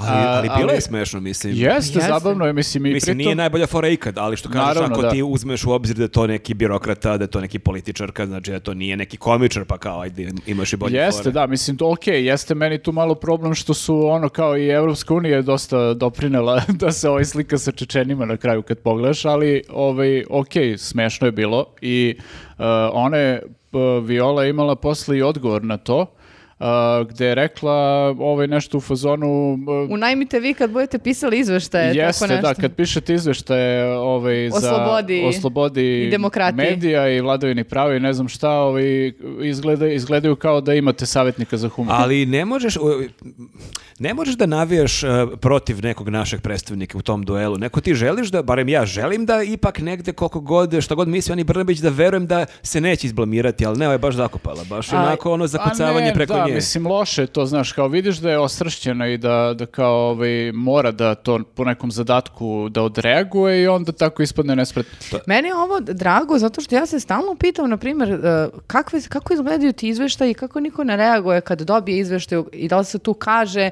e, demokratija vam je u e, e, i, Kanalu. u kanalu i e, e, vladavina prava je u kanalčini i sloboda govora ne postoji. Raz- Mislim, tako neke stvari, kao, kao sa- kako sad ne odreaguju ili kao da li uopšte to njima niko pomene. I onda tako kad ova žena napiše, onda sam u fazonu, aha, ona ipak zna, kao, a onda budem u fazonu, aha, a što niko ništa onda ne, Da, ne, ne ali uradi pro- po tom problem je pitanju. što ti, znaš, imaš taj stav naše države prema Europskoj uniji kao da su nam oni neprijatelji neki, Mhm. kao da su, stalno nas tu nešto smaraju i e, nemaš uopšte stav kao da mi tu nešto sa njima sarađujemo na nekom cilju koji treba da dostignemo svi zajedno, mislim mi prvenstveno i onda ovaj, e, kad oni napišu neki izveštaj, ti redovni izveštaj o napretku, kao e, naši su uvek u fazonu, ok- nisu u fazonu ono kao što je bilo logično, ok, kao popravit ćemo, vidimo gde su ono, ovaj, nedostaci, nego su u fazonu, to nije tačno. Vi, vi, vi lažete, vi politizujete. Tvoja- Odmah na njih napad. Tvoja keva se nije bunila. Bukvalno, da, da, da, bukvalno taj stil, ono, tako da ovaj, tu je malo problem. Ali ovaj. da, mene zanima, ovo ipak, ipak ima kočnicu. Bila je priča kao nema nabavi kao savjetnika za humor, e, jer da je u pitanju neka naša opozicija, bila bi u fazonu nisi popila Lekić. Tako Jeste, da možda da, u nekoj da. narodnoj fazi budemo vidjeli našu premijerku koju je u fazonu, da, da, "A, preskočila si terapiju. Jeste kao Jovanov u da, da, parlamentu, tako, ono, tako kao- da ovo je još i super kako može da bude. Da. A zamislite, mislim, e, treba onako malo da izgubiš i kompas da se tako obraćaš nekome. Jel- mislim, Jeste razmišljali malo i o tome? Znaš šta kao- je fora? Ona je u Singapuru. Tamo je jako velika vremenska zona, velika je vlažnost vazduha, drugačije je ono klima, ljudi tamo polude. Ono, to tek je sletela. Znači, Jet ni- lag. ni- jet lag, nije se klimatizovala. Jer ja, na primjer, baš razmišljam o tome kako izgleda sledeći sastanak uh, njih dve, na primjer. Mislim, znaš, ovi se prozivaju, Vučić proziva ove neke s kojima se viđa non stop tamo po Briselima i ne znam nija čem, gde god već, ali kontam oni ovako interno, znaš, ne, ne, se ne mažu toliko. Sad ti kao kažeš ovo toj ženi koja je sad na nekoj ozbiljnoj poziciji, koja ima tu neku moć. Ja bih volao zamislim se one tu prozivaju, kao neki reperi kad krene neki battle. ono, Da, da, kao battle da prozivka da bude, i ova njoj, pa ova njoj i tako. A onda Pa onda uživo... breakdance. A onda uživo Pa ništa. uživo, uživo. Ne, ne, uživo. kad- uživo kad, se hoćeš. vide, ona s vrata Aha. odmah. To bi bilo dobro, da. Bilo bi zabavnije nego ovako. Pa dobro, mislim, sigurno da bismo to gledali. Ali kad smo kod zabavnih stvari, A, moram da vas pitam jednu in- indiskretnu stvar. A, da, li, plašim se sada. da li šetate u gaćama? e, a, da, predsjednik Čuju u je... gaćama. Da, da. Go. A, O, Bože. da, predsjednik je e, baš bio ogorčen posljednjih dana što naš narod, niko neće da e, nima džemper u stanu i pozdravim što je ovo neki džemper. Evo ja imam rolku, znači sad... Ladno Da, e, je, Pa bre. ja sam u duksu, okej, to da. Jeste, mi smo bili u- u gaćama u redakciji uvek, ali sad ne smemo više, Jeste tako da, da moramo. sad dolazimo ono... Što smo bili u obučeni gaćama? do To smo grla. bili u gaćama do juče, bili smo sada Jeste, mori ja ima džemperi. i onaj neki čečenski gunj da nabavim. E, ali zato je možda Vučić i dobio to, jer on je toliko kukao da ono, neće biti grejanja, treba bude Da, da, hladno. ovaj Ovi lik, evo, ajde, Čečeni, obuci se, ajde, ono, evo ti, nemoj da smaraš više. Isekla ćemo ti ka- šta se već tim radi, evo ti, daj samo pazi- mere. Da, nje- njega redko šta iznervira, to sam primetio, ono, najviše od svega ga iznervira to kad hoćemo da nam bude toplo. I da idemo na more. I da idemo na more. Leti da odemo na more, a zimi da nam bude toplo. Znači, on generalno ne voli ideju da smo mi u gaćama. Da Ma, li smo u gaćama da. na moru, pogotovo u Hrvatskoj, da li smo u gaćama u stanu, znači on ne želi da A, zamišlja nas u izgleda da je- gaćama. Da, Da, nam bude nešto mu se toplo tu ne sviđa. I ovako i po telu i oko srca. Jeste, jeste. Da, rekao je nešto kao ovaj, e, na 15 stepeni e, mi trošimo nenormalnu energiju, kao svi niko neće da obuče džemper, svi se šetaju u gaćama i mi smo to obezbedili. Kao... Mene živo zanima koliko ima stepeni u njegovom stanu. Mene isto zanima, ja sam ga pitao i na Twitteru, ali nije mi odgovorio još uvijek. A, ja sam se baš zapitala, jer ja iskreno e, ne- neću da lažem, ja volim da mi je toplo u stanu, ali ja uopšte ne primećujem da mi je sada nešto drastično toplije nego što je pre bilo. Ili... Ne, ali on hoće kaže da to na šta si ti navikla posljednjih 10, 20, 30 godina, da to nije normalno. E, ali upravo to hoću ti odgovorim, ja nisam u svom stanu u gaćama i u majici s kratkim rukavima. Da. Ja nosim i pokrivena sam uvek čebence. Ali on smatra da treba da imamo taj holandski model, da imamo ono 18 stepeni u stanu. Pa Pa mislim, nek smatra. Kad budemo imali holandske plate. Kad budemo Aj, si- imali holandski standard, da. A vidiš kako je, znači, kako me nervira, brate, lik. Znači, a, a, prvo te smara mesecima, te plaši, ne znaš da li ćeš da imaš a, grejanje. Onda kad ti obezbedi grejanje, onda te smara što imaš grejanje i što ti je lepo što imaš grejanje. Još te pita kao što nisi zahvalan što imaš grejanje. Pa čekaj, bre. Ne, ali ajde, ajde znaš da Što smo... sam se al- iznervirala, sad mi je vrućina. Sad izgleda kao onaj e, fitness trener, Jeste, ono kao- kao... Pa nije non uvijek stop sam me- sebi iznervira. Pa ne, non stop me tera da se osjećam loše zbog nečega, a kao više ne znam ni zbog čega. Ja Ma kao, ne pa- bre, samo, Ma samo, nemoj ign- da ga shvataš samo ignoriš ozbiljno, i bre, lika. pa čekaj, pre, pa ti si, a ne, ti si tek četiri godine u ovome, ja ga slušam deset godina, ja to potpuno, s- o- ovde uđe, ovde izađe, Pa bukvalno. ne bre, znaš šta, ni- e, e, mislim, ima milion stvari na koje, mož- koje možeš na to da mu kažeš, kao, znaš, nismo zemlja u kojoj e, nam zameraš što se bahatimo, ne znam, e, Lamborghinijima i ne znam, nekim besnim automobilima i ne znam, mislim, to može da zameri ovima svojima iz stranke, ali njima za divno čudo ništa ne zamera, oko, znaš, kao, 50% njih ne bi moglo da objasni svoju imovinu, ono, Da. da ih sutra pitaš, a nama zamera što hoćemo da nam bude dva stepena toplije u stanu nego što je on zamislio da treba. Mislim, to je bezobrazlog, znaš, ali prosto samo, znaš, ja ne znam da li mu uh, neki, neko istraživanje rejtinga pokazuje da on treba da priča takve gluposti, jer to mi je potpuno neverovatno. Pokušavam da shvatim kojim je to ljudima okej da dođe predsjednik i da ti kenja što se greješ zimi. Znaš, potpuno mi je suludo Ne, to. ti čak i kenjaš se greš, znači e, ti u- u mnogim stanovima ti ne možeš da utičeš na temperaturu. Ne nego ti možeš ako si na kenjaš što je centralnom, tebi, da. obezbeđena neka temperatura koja je po njegovom mišljenju više nego što bi trebalo. Ali Pa onda on da, Kenja, mislim. e, izvinite što sad sto puta kažemo Kenja, ali onda on sad zamera u stvari ne nama, nego toplanama. Ne, ti si okej, on tebi lično ništa ne zamera. Znači on zamera toplanama što Ali puštaju. ako ti imaš negde intimnu potrebu da ideš u gaćama u stanu i š- š- što prepoznju naše e, A zašto toplane, predsjednik se bavi mojim intimnim Ma, potrebama? Mojim Da. gaćama. To su baš moje intimne potrebe. Šta njega briga kako ja idem ok- okolo? Jel ja plaćam Bilo da za je toplo svoje ili intimne hladno. potrebe koliko, kažu, koliko kaže račun. Plaćam, brate, Da. što me onda Jeste, diraš? slažem se. Evo, Jeste i to je pitanje za njega, znaš, e, e, kakve si ti zemlje predsjednik ako e, svojim građanima zameraš što odu na letovanje i što imaju grejanje zimi? Mislim, to nije e, bogata zemlja, to je baš jadna zemlja. I kriviš da bre za pritom Mm. nas za zagađenje. da, pričaš da smo najjači na svetu po svemu i kao da smo i prebogati. to je sad problem op- apropo zagađenja. Dakle, imamo tu priču koju on priča već neko vreme da je nama jako skočio standard, otvaraju se fabrike, kupujemo svi, on imamo po petoro automobila, a onda opet Šapić ti objašnjava kako ne može da bude e, manje zagađenje jer onda moramo da menjamo ložište i niko za to nema para. Pa kao, ajde se dogovorimo, jel smo E, da. zagađeni, jel smo bogati ili smo zagađeni, jel smo Pa, siromašni. ali da, i oni kažu kao mnogo više automobila kupujemo jer smo bogati, a zapravo kupujemo ove Krševe. krševe, iz Evropske unije, polovnjake koji zagađuju najviše, koji tamo ne mogu da se Ali koriste čak više. i ti krševi od automobila ukupno zagađuju 6-7% od ukupnog zagađenja. Da, znači, ali čak da kao, vozimo da. svi Porsche, neke najnovije Mercedes i dalje bi bilo zagađenje. Dakle, zagađeni smo jer smo jadni. Pa zagađeni smo iz drugih razloga, dakle, ali mi je smešno kako ne mogu da se usaglase jer nam ovdje prodaju priču da smo zbog bogatstva zagađeni, a ovamo zbog siromaštva. Pa dobro, svakom treba pomalo da čuje jedan dan da je boga, drugi dan da je siromašan i onda Pa tako... Mm. to je, ma ono, skuvaju ti mozak tako različitim nekim ono... A, malo pre informacijama. si pomenuo mnoge SNS-ovce koji e, ne bi mogli da objasne svo poreklo svoje imovine. Vidim kuda ovo vode, vodi. A, a danas kad smo se pripremali za a, ovaj podcast, Dobro, pripremali možda prejaka reč. da, komentarisali bukvalno pet Ono, minuta pred sedimo u početak. čitaonici tri sata i da, učimo. ono kao, Uf, Jeste, a- bubamo. čekaj, nisam učio posljednje pitanje. A, Marko je obratio pažnju opet na Twitter Ane Grozdanović ili a- he- e, Instagram. Promašio si dve stvari, da, prvo što je Instagram, drugo što on nije SNS. Mnogo ti, da. Ono SPS, Ona izvini, ono- one SPS. katodne cevi, Ona je a SP Sašica je. SPS, ali zaista nekad deluje kao veći SNS od Da. SNS-a. Mnogo, um, ja samo moram da kažem da ti nešto mnogo visiš na njenom Instagramu. Ja moram da kažem da ja nju ne pratim uopšte. Ono, Bog, To je još gore onda. Bog mi je svedok, ali pratim bolesnike koji nju prate, pa rade screenshotove njenih, Aha, i, okej. njenih Instagram e, objava. I šta je sad uradila? E, sad je e, svašta je pričala, e, pričala sam ohranim majkama. Dobro. I kako je teško biti samohrana majka, ona vrlo dobro zna kako to izgleda i to sve ne možemo da dovodimo u pitanje, sigurno je teško. Ali ovaj deo je zanimljiv. A, samohrane majke su kraljice, super. E, koje su e, mi pomagali, bile dostupne meni u Caps Locku tokom kampanje, bit će nagrađene, znači te neke samohrane majke koje su njoj lično pomagale, bit će e, nagrađene svakog 15. u mesecu sa 50.000 dinara, narednih godinu dana. Pored posla koje sam svaki od njih obezbedila, ovo je lična zahvalnost za lojalnost i pomoć koju su dale meni. Hvala.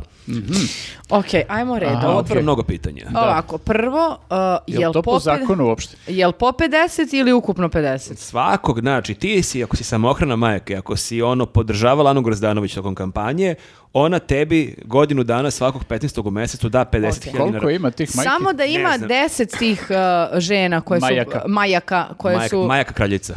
uh, koje su podržavale Anu Glezdanović, to je 500.000 dinara.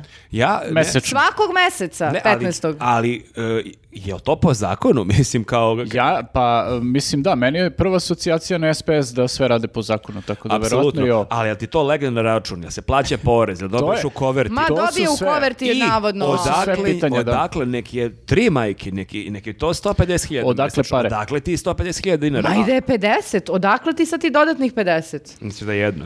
Pa ne, ali čak i da je jedna, čak i da. odakle ti sad Da. svakog meseca 50.000, to je brez Jeste. kao rata kr- za I kredit, za odakle stan. ti ideja da to javno napišeš? Ajde, to neki vaš deal, ono, e, među nama ja ću tebi. Znači, ti prvo kažeš si da obezbedila posao, što opet ne bi baš smela tako javno da pričaš, ja sam obezbedila posao svim tim majkama. Prvo, ko si ti, ko- ko- na koje funkcije ona Da, zapravo? ko, ne znam, mislim, i koja je to kampanja bila? Šta su te žene radile u toj kampanji za tebe? Mislim, to je, znaš, gomila pitanja tu A postoji. ona je- Zamisli šta obezbeđuju o, ovi na višim funkcijama ako Ana Grozanović obezbeđuje... O, samohranim očevima.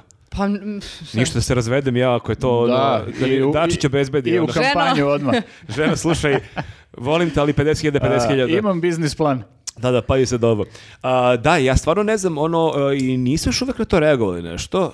Da, nije se niko zvanično oglasio kao da to pro- prosto preispita.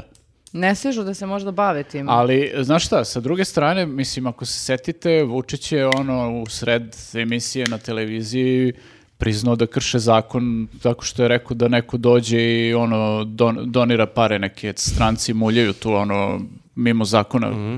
to ovaj doniranje i niko ništa mislim ništa se nije desilo tako da ovo je lagano ono prolazi ne, ne, ne. Mislim, meni je drago što će te samohrane majke dobiti neku pomoć, sigurno da im je potrebno, ali to da. ovo nije način, mislim, čekaj E, bre. da Pa Upravo ali to da. treba da država sistemski uradi, a ne kao Tako da je, neka influencerka e, iz Svojim li- SPS-a. Da, kako je to, i to kriterijum, e, e, kriterijum za, za do- po- dobijanje pomoći ako si ti meni, ako si simpatični, ako si mi pomagala, ja ću tebi. Ako si mi lajkovala fotografije, evo te pare, ako nisi, žao mi je. Ako je bio share, comment i like, Pa pazi, onda... ona jeste najjača na Instagramu, dakle ja zaista verujem da je ta pomoć u u velikoj meri bila na Instagramu. Čekaj, jel se sećate vi da smo mi komentarisali nekad nju da je ona neke paketiće obećavala pa Jeste, da će to, smo da spomi- deli? to smo spominjali u I to je prošloj bilo epizodi. jako bizarno takođe, da. I, I jako mutno. A jel, m- m- ja možemo da... d- morat ćemo da se pozabavimo njom detaljnije. Ajde da vidimo jel ona to stvarno radi. Ili tako laže. Bez- misli- Misliš da samo priča ovo na Instagramu? Pa mislim, odakle je onda, znate koliko para treba za sve te paketiće i za sve te samohrane Jelisaveta- majke? Odakle Jelisaveta sutra, Dragana, ja sam samohrana majka. Ti si I legenda. jako te podržavam. I ono, lajkuješ i sve slike tri godine unazad. Ono. Mm, Pa Da. ne, mislim, ne znam šta je... Pa pazi, 50.000 mesečno nije malo. Nije malo, nije malo. Da. A, tako da istražit ćemo šta se dalje dešava i nadamo se da će i mediji da istraže ovu priču, da Pratit ćemo vidimo ovaj šta se slučaj. dešava, kao dakle te pare, kako se to Kolike uplaćuje. su to plate u SPS-u? Ja se znači- Ma E prima i- plata u SPS-u? Pa, mene je mnogo toga Ne, zanima. pazi, ja kapiram da postoji neki sistem e, da doniraš tako nekome pare koji je potpuno legalan, ali e, svakako nije legalno da to radiš e, kao kontra uslugu za nešto što je neko učestvo u nekoj kampanji i ti mu na ono taj A i način treba vraćaš i da nameštaš mu objasniš posao i ne znam odakle šta. tebi te para, ako si ti sad neki to... To, ono, naro- Imaš naročito, svoje da. dve kompanije, imaš neke velike prihode, plaćaš poreze i ti si Da. dobrotvor, hoćeš da pomažeš nekog siromašu porodicu. Pa Da. nešto, nešto su u posljednje vreme malo prestali da pričaju o ovom zakonu o poreklu imovine. Mm. Ne znam zašto. E, pa ne znam. A, idemo dalje. E, još jedna neprijatnost se desila o, prošle Dokle nedelje. više. Šta, ide, hoće nešto lepo se desi. Ima nešto lepo u ovom podcastu. Brate, pa za nekog je lepo, a za mene je stvarno bilo neprijatno dok sam gledala Vesara. je, Naime, a, sa... Nije ovaj vaj dugaćima. Ne, a, bio kod svoje majke sa bratanicom Nađom, ako se ne varam. Mhm. A, I a, oni su se snimili za TikTok, na primer, kako pevaju. Za sve društvene mreže. Mislim to izašli na Instagramu i na Twitteru. Nije bilo dovoljno jedan kanal, treba sve. šta ako je neko, propo- šta ako je neko ne prati na Twitteru? A, znači, oni pevaju, ali... e, Kako bi rekao? Ajde čak da pevaju i 15 sekundi da ti bude malo lakše. Nego oni, to traje i traje. A imaš onu nepretu tišinu dok ne počne pesma, dok ne krene deo s pevanjem, imaš to kako onako I se ovako vesela, se- b- blago njiše par sekundi. To je inače pesma Ane Kokić i Negojmo Srpski su u saradnji sa Anom Kokiću radili pesmu koja je podrška za naše Aha. futbalere i to je naložačka A pesma. Konkretno za jednog futbalera, ako sam ja dobro razumela. Pa dobro, da, ali ako podržavaš tog jednog futbolera, negde podržavaš sve futbolere. Aha, dobro, Mislim, nije okej. to kao u tenisu navijaš kao za jednog, pa nego kao... Samo ajde. za našeg noleta. Da, tako je, a trojecki ništa. Znači, eh, podržavaš sve futbalere i sad ta pesma je takva kakva je, stvar je ukusa, ali Vesić koji peva tu pesmu, ili Vesić koji peva bilo koju pesmu, mislim da ta pesma nema neku šansu. Da, malo je onako neprijatno. Da.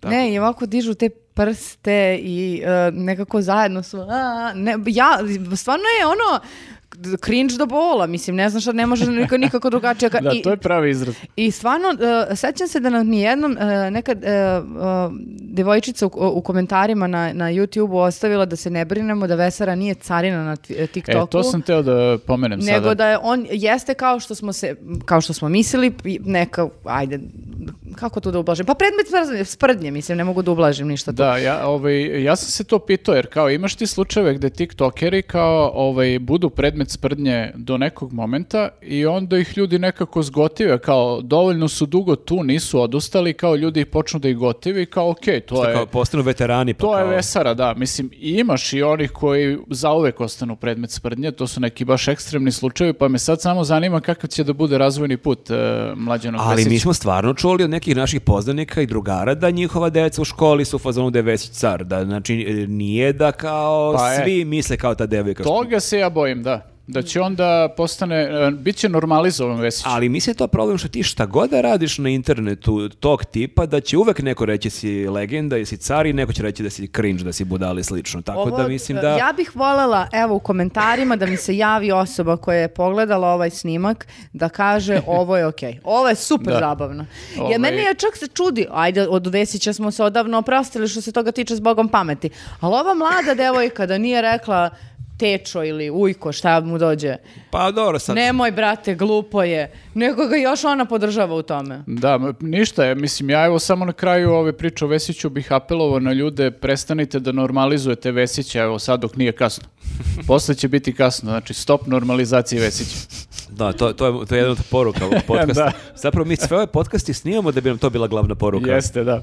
Stop normalizacije Vesića. Da uradimo majice. Lik laže i stop normalizacije Pa, Vesića. do- razne smo poruke, ono, kristalisali kroz Pa ove moraš, čovječe, podcaste. moraš ono da... da... Nego Vučić. Vučić opet tamo. Opet Vučić, da. A, E. sad malo teže teme. Znači, Jeste. sad p- posle Vučića, a, a, po, sorry, Vučić pre Marije i Vučić kod Marije. Tako, Aha, Jesi dobro. desa neka transformacija? ne, samo je ovo nekako, a, s- koliko sati i po vremena a, Teških sat i po vremena. Da, Teških te- sat i po- jako teških i nije se pojavio u ovom uh, gunju. I nije se pojavio u Gunju, nego vrlo onako stylish odeden. Jeste a, roze rolka.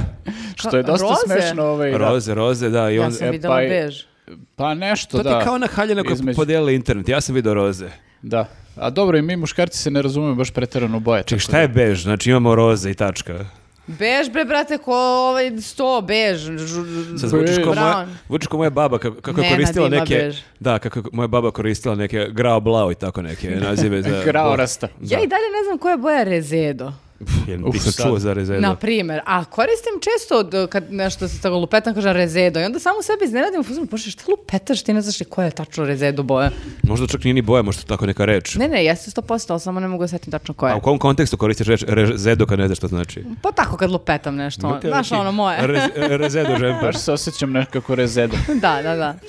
E, znači, Vučić je bio kod Marije i e, tu postoje nekoliko sad celina. Naravno, prva, osnovna, najvažnija, e, hoće li biti rata i šta se dešava na Kosovu. Ali otprilike Jeste. postavljen e, čitav uvod u emisiju otprilike u stilu hoće li biti rata i zašto da.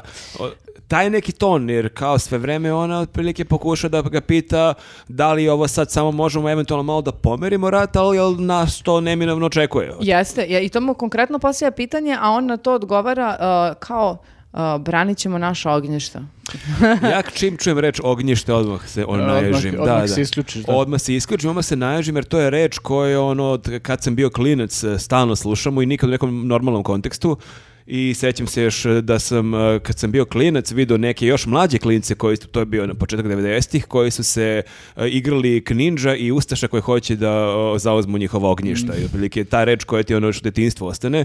Tako da, da, ja sam taj, taj deo zapazio kad je Jeste, pričao o da, pa ognjištima. o- odmah se čim krenu tako, mislim, te krizne situacije, krizne, oni zapravo stvaraju kriznu situaciju sve vreme, odmah krenu i sa tim epskim izrazima, to ognjište, pre nekoliko dana na konferenciji je rekao naš srpski živalj. A ognjište živalj, da, da. živalj, kao, brate, što pričaš tako, jebote, ko priča tako?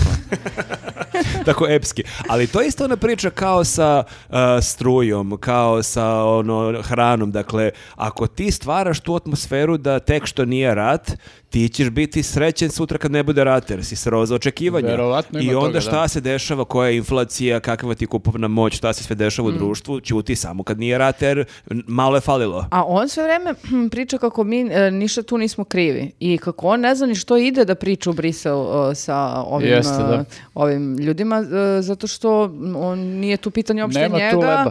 Jer kao e, pitanje je za Kurtija i da li hoće da poštuje b- briselski sporazum ili neće, da li će te srpske zajednice na Kosovu da budu ili ne. Da. I kao, mi stvarno ništa nismo krivi i sve vreme ponavljam, nisu nam dali izbora, nisu Pa, nam dali da, šansu, mislim, ja- nemamo izbora, nemamo Koliko šansu. Mm. sam nešto pratio, ovi jesu baš zapeli i kao taj Kurti, ono, baš čak i meni delo onako prilično nerazumno u tom Da, smislu da, ne znam da li smo mi potpali pod utjecaj naših medija, ali meni delo je da je ono onako nije baš neko s kim možeš mnogo da nije, pregovaraš. Nije, baš je onako zadrt izgleda i kao i pritom ovi iz Evrope ništa ne preduzimaju da malo smekšaju ne, njegove stavove kao da se tu postigne neki dogovor. Mislim, i, mislim sad dok snimam ovaj podcast oni su tamo u Briselu i kao... Možda se ovi- pošibali. Da, Šta će možda i biti to. u sredu, mi ne znamo. Četvrti sat ono kao razgovor otprilike. Ali meni je smiješno što je Vučić rekao u jednom momentu ovaj, to kao kad je pričao da ovaj, e, nije ni bitno da, da li će on da ode tamo ni ne mora da ode jer kao neće ništa ni se dogovore verovatno, ali ovaj, rekao je jednu smiješnu stvar a to je kao da će on ipak da ode u Brisel da ne bi Albancima dao Leibnicov dovoljan razlog da kažu da smo mi krivi zato što su propali pregovori. A šta to znači? To je previše Objasni. komplikovano, pošto to je bilo u 10 ujutru. To, je- To- nije nešto što ti u nedelju u 10 ujutru hoćeš da slušaš. Uh, Leibnicov dovoljan razlog ili u ovom slučaju samo razlog. Mislim, znaš, ono, apsolutno nema veze to što je on izgovorio sa, ne može da se stavi u ovaj kontekst. Ali Leibnicov dovoljno razlog... Zvuči samo pametno, da. su- Zvuči kao ime nekog ono alternativnog benda, ono, Da. ono neki bend 90-ih. Ono. Iz- iz Bigza. braća Left i Leibnicov dovoljno Dovoljni razlog, razlog. Da, da. da. Ne, to je samo malo, ajde, da fascinira ljude koji ga gledaju, a zapravo ne znači ništa, apsolutno. Mislim, samo je mogu da kaže, nećemo da im damo povod da, ono, ovaj, kažu da smo mi krivi za ra- propast pregovora.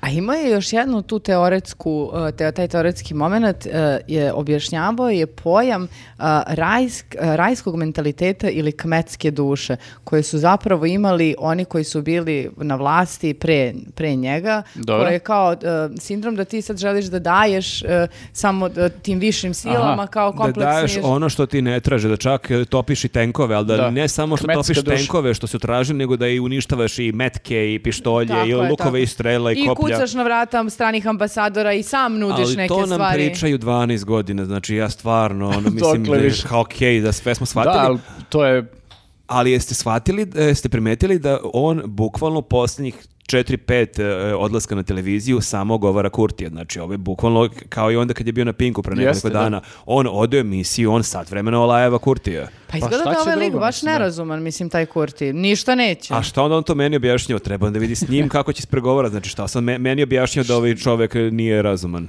Pa jeste, da, mislim, ali s druge strane i kod Vučića imaš ono sve vreme, e, mislim, ja se ne bih bavio, na primjer, time da li ću da ostanem upamćen u istoriji. Ako je toliko delikatna situacija i imam neke konkretne sad probleme koje moram da rešim, a on dođe između ostalog i to pričao kao Tako meni je. nije bitno ono, ne znam šta, nego ja hoću da, on, meni je važno kako će istorija da me zapamti, kako ću ja u istoriji da ostanem upamćen kao A- Mm. neko ko se borio za svoju narod, svoj narod i zemlju. A najgore je što je to rekao u kontekstu a, e, Marijinog pitanja kako se osjećate zbog toga što ste čuli da su želi da vam ubiju dete. I znači, na, mislim kao, prvo to pitanje je samo po sebi glupo, jer Ali- kako se osjećaš, naravno se Ali osjećaš užasno, mislim. Ceo prvi deo intervjua je jako mučan. Je priča Jeste. o ratu, o Kosovu, Mhm. o tome da će biti O s- rata, kriminalcima, o da. Kurtijevim Srbima, ko onak tamo i pokušao da objasni on izlazak iz kosovskih institucija, pa povratak, pa tu bi došla Rada Trajković koja se bori za Kurtija i slično. Mislim, baš onako i onda prelazi na priču o mafiji, o tome Tako je. da li hoće da ga upiju njega, njegovo dete. Mislim, baš je jako mučno za gledanje i tek u onom drugom delu dolazi do nekih malo zabavnih Jeste, momenata. Jeste, Da. pa ovo, ovo na početku je stvarno bilo nekako dosadno i sažvakano i ono, konstantna ponavljanja, licemerna politika, d- o- stalno poređenje sa to ring utakmica, vezane ruke, noge. Da, da ima neku tu metaforu, kao da ste u ringu, ali sam vezane noge i Mm. E, I vezane ruke, ruke, i a vi onda- ne možete ni da padnete jer sam vezan. Mislim, baš ste onako malo pogubio. Malo reč. se- pa oni če- vas često udaraju, sam zapetljao oni tim vas metaforama. udaraju, a vi čak ne možete ni da padnete jer sam vezane noge. Miško, čekaj, da, i samo, utakmice- samo reci otprilike da smo u teškoj poziciji. I ono. utakmica je, znači vi e, ulazite da igrate utakmicu, a rekli su vam vi ćete izgubiti i onda je sad kao pitanje kako ćeš sad ti tu utakmicu da odigraš. Ja mene priznam- ne zanima, mene uvek samo zanima Ja volim te sportske metafore i to nekad radim i ovde, ali i ja se nekad pogubim u tim njegovim metaforama kad ode onako šest koraka unapred kao čeki sad ko je u ringu, ko je vezan, ko koga udara i zašto ne mogu da padnem i kad je kraj runde. Mm. Ali dobro, malo je relaksirana tema ovaj, kad je čovjek u ružičastoj ili bež rolci počeo da Odvojeno priča o mišljenje. tome da li je peder ili ne. Jeste. A, jeste, a e, t- e, to je bilo pitanje zbog e, e, povod za celu tu priču je bila neka utakmica koju je Partizan igrao, gdje je bilo Partizan s- igrao košarku protiv Makabija. Pred... Tel Aviv Makabi. Bravo, bravo, Uj, bre. pa trebala sam da idem na utakmicu, rekla sam. E, ti. stvarno, e, meni je ovo sa- stvarno strašno, e, ne samo što znači, nisi otišao na zvezdinu utakmicu, što preuzimam deo krivici, čak me pitao... Ne jedan- deo, ti, ti, ti pitao- druže, treba da pitao me uzmeš je- apsolutno celu, ceo, kako je krivica jedan ovako A evo je metafora. o- oblik, da i taj Vezane ceo, za ring. o- o- ceo oblik treba da uzmeš i da staviš u džep.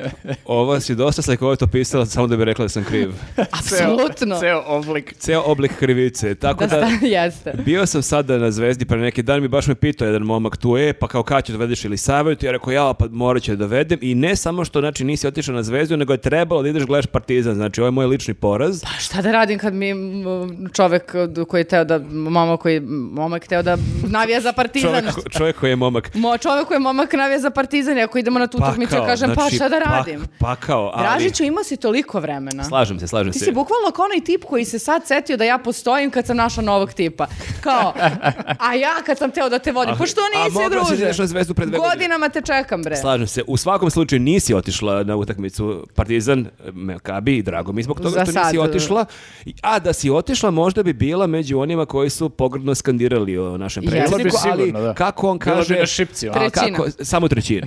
Jeste, ali ne, s- super je, e, t- u- znači u tom p- njenom pitanju, on odgovara i i otkriva dve stvari. Prvo je kad pitamo e, kako se osjećate što vam skandiraju, Da. on kaže ne skandiraju meni, oni sk- skandiraju građanima Srbije. To nije tačno. Njemu skandiraju. A, E, ali to je apsolutno. zanimljivo, A, to je samo- samo to je mislim stalno da- mešanje. Jeste, i samo bih se nadovezao. Ali pošto super je je- što uvek imaju taj igrokaz sa kojim god voditeljkom to kao često to bude sa gocom kao a, skandirali su vam ono ružno, ja to neću da pominjem, a on ajde, ajde, pa recite šta su skandirali, pa kao, pa ne, ne, ja to neću da pominjem. Ali ova mu je odmah rekla, "Uh, gospodine predsjedniče, ja to neću ponoviti. I onda kako je tako ozbiljno to rekla, onda se ono krenuo ka ljudima Ona u je malo studiju. iskulirao, da. On je se krenuo ka ljudima u studiju i rekao je, Skandirali vuču, su. vuču pederu, vuču pederu.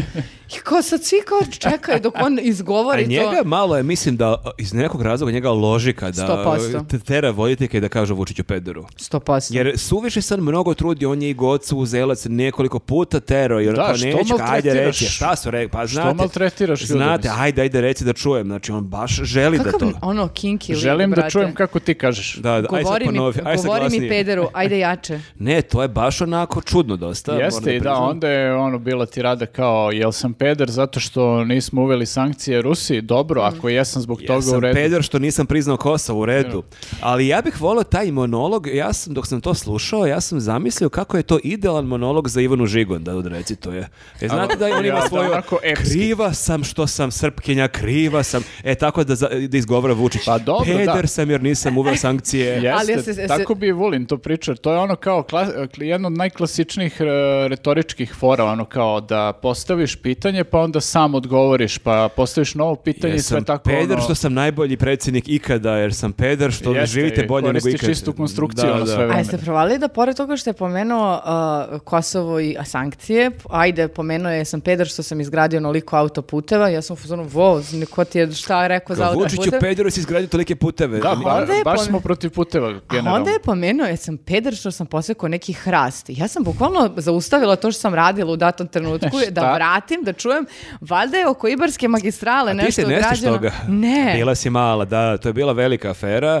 Uh, bila je priča, mislim nije bila priča, uh, postoje neki hrast koji je bio star ne znam koliko stotina godina i e, trebalo je se taj hrast poseče jer tu da treba prođe autoput. I onda su bile e, dve škole mišljenja, zapravo je bila priča zašto ne mogu da zaobiđu taj hrast jer smo- onda su nilazili razne fotografije iz nekih drugih zemalja gde ti zaista možeš da malkice skreneš put zbog neke stare kuće, nekog drveta što bi povećalo troškove, naravno. Naravno. I onda je bila priča da neće te hrast niko da poseče, to je, onda će da te bije maler, ljudi su sueverni i na kraju je on prelomio i rekao seci hrast. Nije ga do duše lično on isekao, Dobro. ali je bila ta priča kao zašto smo posekli te hrast, ali se tog hrasta niko stvarno ne sjeća više. Pa kako, se- kako se li se on setio, Bože? u tom Sjetio se trenutku? zato što je i onda izračunao da smo mi, zahvaljujući seči tog hrasta, spasili 250 ljudskih života. Konkretno 200. Konkretno, zato što bi taj hrast usporio izgradnju autoputa četiri godine, a za četiri godine na Ibarskoj magistrali bi poginulo 250 ljudi.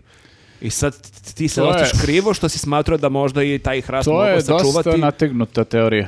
Misliš, teorija o hrastu? Da.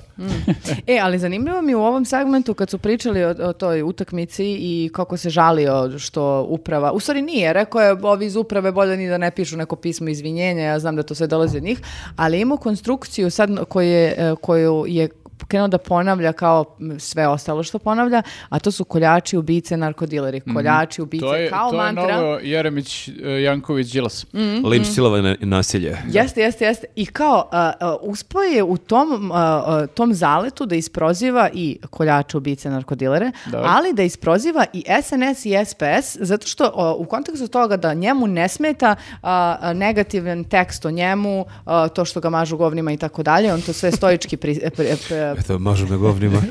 on to sve stoički podnosi, a ne kao neki iz SPS i SNS-a koji neki mali negativni tekst koji dobio sebi odmah se upale. Znači, o- Meče. nije ogovarao samo Kurti, ogovarao je ljudi iz SNS-a svoje, i, da. SPS-a. Ne, ne, apsolutno. Pa njih najviše treba dogovoriti. Ali ne deluje on kao lik kome baš ne smeta šta pišu Ma, ovi demu drugi ne smeta. mediji. Mislim, Naravno baš da mu smeta. dosta vremena godinama troši na Da. to da analizira tekstove na N1 i, E, i da, mislim da izveštaje. je ovo fin moment da podsjetimo da je on štampo ljudima tweetove sa Twittera i odgovarao u emisiji Da na je i- njih. imao izložbu gde Toliko su... mu nije bitno uopšte. Imao je izložbu Imao je gde su izložbu. kao bili okačeni ti tweetovi, karikature i puštali delovi iz emisije 24 minuta. Jeste, Dakle, toliko mu nije bitno šta ko priča o njemu. Da je on došao na otvaranje te izložbe. Jest. I to u onoj, onoj um, providnoj majici, onoj što Ja. pokušavamo da zaboravimo već godinama. Da, tu Nemojte je nam- traume imamo. Ja sam to potisnula, nemojte molim Ja vas. se izvinjavam tebi i svim našim gledalcima. Ono A, mnogo mi je bilo smešno u ovom, e, saznala sam za nekog lika koji se zove Bijeković, e,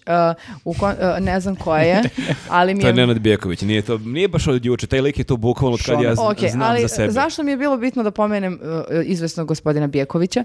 A, Zato što je, e, ga je pohvalio, iako kaže da će ovi iz, iz- iz veze da mu sednu na glavu zbog toga, ali e, rekao je da je on bio glas razuma, iako ga on nije ni pozvao. U kontekstu Nije morao ga sukob- da ga zove, da. Nije, u kontekstu sukoba e, Fudbalskog saveza Srbije, Zvezde, Partizana, je ga šta se dešavalo. E, ova E, je... čak, i ja ne, čak i ja koji prati futbal e, više od tebe dosta, ja čak nisam ispratio taj futbalski savez, koje je sad Šta se tu, dešava, koje da. su tu dve struje, koje je tu za koga, nekako baš pokušam, jer, jer kao i ovi dokumentarac na Netflixu o Kataru, toliko sam naložen na ovi mundijal da se trudim da mi se ne ogadi sve ovo, a jako je teško. I kad gledaš naš futbalski savez Mhm. Jest. i spletke i, A i fi- sad ovo na FIFA, šta, globalnom pa šta nivou, da. FIFA radi, šta je Katar radio, to je baš ovako jako teško ispratiti prihvatiti onako čista srca, a želim da gledam čista Da, srca. teško jer je smo- da izoluješ samo sport. Teško i je, ali svega ja toga. želim da izvolim jer smo mi sad ono stvarno jači nego ikad od kad ja znam za Koliko sebe. je naloženo, ono, Pa ovaj ovo je jako sam neprijatno naložen, gledati. ja stvarno sam jako naložen i drago mi je što ovo izlazi u sredu jer mi u četvrtak igramo s Brazilom, tako da Ajde, Bože, Još pomozi. uvek imaš još uvek opravdanje mogu za da ovo. budem naložen, da, U ovako, kom terminu igramo? u, u 8 uveče. Aha, hát odlično. Ma ima da useremo Brazil. Ma, Kako apsolutno. E, ne, bre, kako ne. Tako da, da, ni ja čak ne znam koji su tu detalji i šta je Beše još pričao e, zanimljivo. E da, a, i- ima moment da je kukao kako svi na njega udaraju a, i sad ovi iz, iz Futbolskog saveza, ne znam ni ja, i onda je pomenuo u kontekstu a, a, parade ponosa, rekao je onaj, onaj a, bal a, homoseksualaca, kad sam zvao... Bal, Bal Iz kog je on- iz kog je on homoseksualaca, veka? kaže, zvao je, molio crkvu da se smire, da Bal puste, pa ga homoseksualac. onda crkva prikeštila, a ovamo s druge strane bal homoseksualaca ga Svi prikeštio. udaraju sa svoje strane. Ali da. bilo bi zanimljivije o- o- o- umjesto parade ponosa i šetnje da je stvarno bal u Bal Skupštini grada, homoseksualaca. ona, ona svečana sala u Skupštini grada i bude Mm. bal homoseksualaca. Da. A, I za kraj, naravno, pričao je i sa Marijom o, o, o, o, o grejanju. A, m- Marija je, zamislite kakva bezobraznica. K- a, o- ovako, kaže žena. Ogovaramo Mariju. Ovo, kaže ovako. strašno. a, znate, predsjedniče, a, a, neki, u, a, neki u, u stanovima ne mogu da zavrnu kao on a, radijatoru kao da manje troši, jel te, grejanje.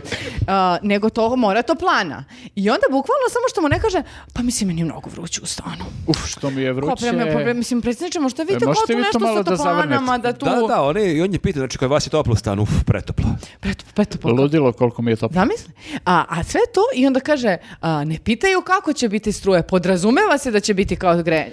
Ne, po- ne pitaju da li će biti grejanje, baš, podrazumeva baš se. čudno za jednu zemlju u 21. veku. Zamisli. Da podrazumevaš struju Znači, ti i vodu. Kako smo bezobrazni. A mi. znači ti faktički pozoveš predsjednika u svoju emisiju i žališ mu, se, žališ mu se da ti je mnogo toplo u stanu. Mhm. On baš sve treba da rešava. Jeste, da. Mora da zavrne, on to nema. Da, nema, nema, nema, druga, nema drugog rešenja. Ali da, mislim za početak, ako već priča o toj štednji, trebalo bi pogleda onaj spisak koliko su institucije uštedele, kao ovaj, svi su uštedili nešto mizerno, Mm. ono, struje, apsolutno, taj njegov apel i Brnabić i ko je već ono sve apelovo, apsolutno niko ih ne sluša. ja bih voljela da vidim Znači, njegov... vas prvo, vaš, vas prvo vaša Ma oni su bre- ono, uprava ne sluša. Oni su svi u gaćama u svojim ministarstvima. Ma, očigledno. 100%. Ma ne moraju bre samo ministarstvima, ma nek pokažu e, račune za struju u svojim e, stanovima.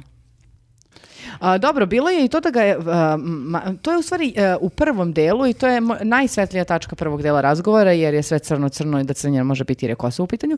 A, Kosovo i mafija. ma- mafija, mafija. A, e, Pitala ga je Marija, a, kao zameraju vam da ste stalno televizija, eto, prethodnih dana niste bili, a sve se vas pusti to, kao predsjedniče, vam tu ste jeste, dobro. Ali Ali sve jeste ok." do- dobro. Znači, čitav taj k- koncept da tebi je pola pitanja šta je neko negde Neko rekao, je rekao. Mm. neki mediji, neki opozicioni lideri, znači bukvalno ono šta, su, šta ti je rekao za Kevu, to je taj nivo. Jeste, jeste, a plus ovde kod nje imaš još jedan moment te neke snishodljivosti A. kao koji potpuno, mislim, ok, meni deluje nepotrebno, ali očigledno ona mora to da Ali, radi. mislim, ni njemu nije bilo baš nešto 100% prijatno na tom pitanju. Nije Evo, sad on baš. zabra... Pa ne, ne u stvari, e, nije nešto epohalno odgovorio, sem što je rekao, brate, imam ja nekad posla, bio sam zauzet, ono, izvini, morao Jeste, sam da imam su- neke sastanke. Mhm. za- on, da, bio mu je tu e, Viktor Orban mu je bio, inače Viktor Orban, ne znam da li se ispratili, rekao je da Navija navija, za za Srbiju. Srbiju, da će Srbija da bude svetski prvak. Aha, tu svaka čast. Tako da ti imamo, imamo Onda je, podršku. znači, sad kulik. Pa nije kolik, ali... ali- Tražiću, šalim se, ne, moraš da nije- se sabereš, druže, nije ok, znači, nije jeste kolik, svetsko prvenstvo, ali nije sad- Nije kolik, ali bit ćemo prvaci sveta. Ne treba nam podrška njegova. Tako, bit ćemo i prvaci sveta i bez njegove podrške. Tako je. E, e, mogu samo što vas pitam, jel ba- ti, na primjer, znaš, pratiš, e, e, si provalio kako naši igrači, ovi koji su bili juče na konferenciji, pošto sam i to Sad morala sad da me gledam, plaši tvoje pitanje. A, sve vreme se obraćaju, a, kad pričaju o Pixiju, kažu mister. Jeste, on tako njega zovu, da. Mr. Pixi. Ali ne, samo kažu mister. Mister, pa mister će da nam kaže, toliko je bilo neprijatno, sad ne mogu Nije, da ti ali objasnim. ti, pa i bilo je tu raznih, mislim, ti nisi pratila svoje prošle prvenstva, mislim, moj Radomir Antić je pričao o sebi u trećem licu, pa je Ilija Petković imao neke epohalne sastave koje je čitao, mislim, bilo je tu raznih stvari, ali to nije toliko bitno, znači, nek oni njega zovu kako hoće, bitno je da mi budemo prvaci sveta, Mister P. Ok, da tako ga zovu. Mister P. Ok, možemo, možemo. Zamisli, zamisli da stvarno budemo prvaci sveta, pa mi me nećemo moći da živimo od toga narednih Tražit- 50 godina. Ja ću palim baklju podcastu, mislim, to mi je jasno. Svaki podcast. Koje, koje, fi- koje prvaci sveta? Mi duđemo u četvrt finale. E, Ovaj će da ajde, ti izgovara. što si m, čula za dva igrača, ne, Svi- znači... Sviđa mi se ova stručna Znači, analiza. E, mi idemo nemoj da tamo... krenuti nabrajam. Idemo po titulu tamo, to je jako važno. Mislim, jako je važno da, da svi to mantramo, znači da, da, da pulsiramo, da širimo tu energiju. Da vibriramo Da pozitivno. vibriramo do Katara, to je najvažnije sada. I, hoćeš da se tapkam ovako? Ono, Može, jel- šta god. A, a, a, Koji god a, ritual a, da a. koristiš, uh, sad ga Znači, upotrebi. da, ako imaš bilo koju super moć, e, sad je prilika. Pa dobro, raspitat ćemo se. Jer znači mi, mi da utičemo mnogo na političare ovdje očigledno ne možemo, ali ako možemo da barem Ali na naš, vraćanje možemo. ako barem možemo da našim fudbalerima pomognemo, to bi bilo dobro. Pa Ne znam da li si slušala onog e, maga na happy on Čula je rekao sam. svi su poveli tamo svoje ono magove i vraćaju svi. A naš Big Lali dalje u Beogradu. Big Lale, brate, blej ovde. I dalje ono Pa, loptica kako mi gudova. možemo da, da napravimo rezultat? Ne, e, prekasno smo se mi setili. Jeste. Prekasno ili je to neko naše tajno oružje. Pa Možda ćemo... ovaj je vraćao iz studija kod Marića, ono, tako da ne znam koliko će to da ima efekta, Važno je ali... da se udružimo svi, znači da u Mislim, isto ne znam vreme. kako to vraćanje danas, možda može se vraća Wi-Fi ono na daljinu. Preko, Pa zoom, jel im preko rekao Zooma. bre da pišaju one kofe? Jeste, njima je preru- preporučio da pišaju neke kofe i nešto pošle- posle da rade sa, ti- sa tim. Da čuvaju, pa onda onaj ko je izvračan kad završi utakmicu i on. I, treba onda to piše. da prospe. Aha, okej. A gde da prospe? Pa f- ne znam, Gde valjda na god da. teren, mislim, tu je Ne, kao, pa tu se magija ne, dešava. brate, ne možeš da uneseš na teren ono ni limenku piva, kamoli kofu pišaće. Pa iz sočionice. Oni imaju direktan prolaz, valjda. Ne znam, ja samo ne bih volio da naše Da lju- niko ovaj, piše u kofu i pa prosipa reprezentativce to. u- Čekaj, da, znači ono, tamo kofut da prospem, znači. Pazi, ovi Jao, su, gospod. ovi su ludi sa, sa raznim zabranama i pravilama, pravilima. Ja samo ne bih voleo da ovi naši budu pohapšeni zato što su pokušali da unesu kofu pišačke na teren. Zamisli, skandal. skandal na bilo ono mundijalu. baš Bilo bi loše. stvarno strašno da nas zato diskvalifikuju. da- Diskvalifikovani zbog toga. Da, ta, kako Tako bi onda da- objasnili da nije ceo svet protiv nas? Da, tako da, a, mislim, ono, vraćajte, radite što ćete, Ali, samo nemoj da ali pišete. imate WC za te Jeste, stvari i držite se WC-a. I spremite baklje jer uh, to je to. Dobro, Osvajamo. to baklje Samo Vidi polako. kako je udahno, ja ne, mogu, znači ja, ga nikad stvarno- nisam videla ja sam- ovoliko uzbuđena. Ja sam pre svakog svetskog prvenstva jako naložen i to je zaista Ali ništa. nikad nisi ovako. E, Nikad nisam ovako, O, baš pa nikad. Čak ni 98. nisam toliko bio, baš ne znam zašto i ja se nadam da ovaj podcast neće loše ostariti za par nedelja. Ako loše ostari, e, Jebi ga. imajte milosti, zaista je bilo iz najbolje namere, a i setite se kakvi ste vi bili. Nemojte se s- samo meni smijete, ali ljudi mi uzimamo ovo. I to je bilo sve za ovu Da. nedelju. Ovo je kraj Ovo je kraj, podcasta. pa ne znam Da. šta reći posle ovoga, ništa više nije bitno. Pa ništa, ni- ni- nije, nije bitno da sad treba da stvarno 100% veruješ u to, ali negde treba da gajimo to neko loženje. Treba Ja gajimo se to jako loženje. ložim, na primjer, da povedimo švajcarce. To, e, to se ložim i to volela bi to. Što baš, što ne Brazil? Pa, ako ma, se ložimo, aj se ložimo barem da bude nešto ne... Mislim, ja se ipak... n- n- A malo- ne, ne, ne, ne, ne, ne, ne, ne može racionalno loženje, znači ne, nema sad Nema, racija, da, nema znači tu šta si racija, sad to postala futbalski analitičar, da, znači ako se ložimo, ložimo se bez kočnica, znači da Jel po- ja imam pravo u mome životu na umereno loženje. da se ložim na šta ja hoću. Ako mi I- imaš, dozvoliš da se naravno. ložim da, da pobedimo švajcarce, a s ovima makar ne rešimo da prođemo, bit će to super. može da bude u nekom e, kompletnom paketu loženja, jedno poglavlje je i dobivamo švajcarsku. Ja se ložim da dobijemo švajcarsku, ali to nije krajnji domet našeg loženja, pa nemojmo, molim, mislim... Nemojte, molim Pa vas, dajte ljudi. ljudi, uzbiljite se bre, pa vi ste ozbiljni ljudi ovdje u godinama neki, pa kako sad, kao ložim se na, da ćemo pobedimo švajcarce. A Meni kao je- kameru nek bude nerešeno. Ne, za- A Dobro, zamisli- kamerom ćemo zgaziti, ali... ča- Zamisli kad bi ovaj režiser ovog tvog libanskog filma išao na neko prvenstvo, koliko bi se ložila. E, to je. E, zamisli, znači ono, a, Kan, Berlin, Venecija i kao sad imaš- Bijenale.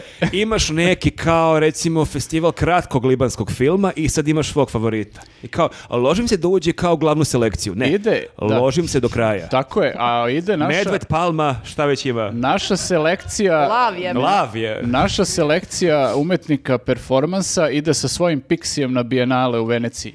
Ja a, v- v- vas molim da prestanete a, da, Kapiraš? da se sprdate. Cetinska šalje svoj kafić na izbor za najbolji Nemoj, kafić be- bez, nemoj da bez si struje. bezobrazan, a, pretrpet ćete poraz u četvrtak ako nastaviš. Šampionat je u Berlinu. Jeste. Ja sad imam ključ Znači, za tebe. Festival u Kreuzbergu e, alternativnih lokala i Cetinska šalje svog nekog favorita. Pa znači, Ja e, sad imam taj ključ nivo za loženja. tebe, samo ti kažem, budeš li bio bezobrazan prema meni, izgubit ćemo u četvrtak. Pa ne mogu ja imati tu odgovornost, bre. E, Ne, ne. odlično. Čekaj, Znači, jesu ove sad sad neke vrađbine, jel? Tako je. E, tako te vrađbine, nemoj da ideš ka meni, nego... A, ja mogu vraćbine Vibriraj. kako je hoću, kako kome god hoću. Znači mogu i na gore, u smislu ako je E, tamo dobro, ka Kataru. okej. e, E, I ka tebi da se smiriš. Dobro, tako da, samo nemojte pišati u kofi sve all u redu. Ja se stvarno ide pa sto prosipate, to je Ne, stvarno to, to je nehigijenski. stvarno, baš, ono nije vredno toga. Ok, završavamo. To je ovdje. sve, to je sve za ovaj put. Imamo i relaks i komentare, imamo i Patreon, Ma, o, ne e, zaboravite ima da nas sve. podržite. O, Voz ima akciju 30%, pogledajte link u opisu videa i to je to. Javljajte se ovim Sve ljudima na gledajte. ulici, ovim ljudima koji nisu u ovom podcastu i Jeste. vidimo se 7 dana. Ćao. Ćao. Ćao. I relax tema naša. Čime se opuštamo danas?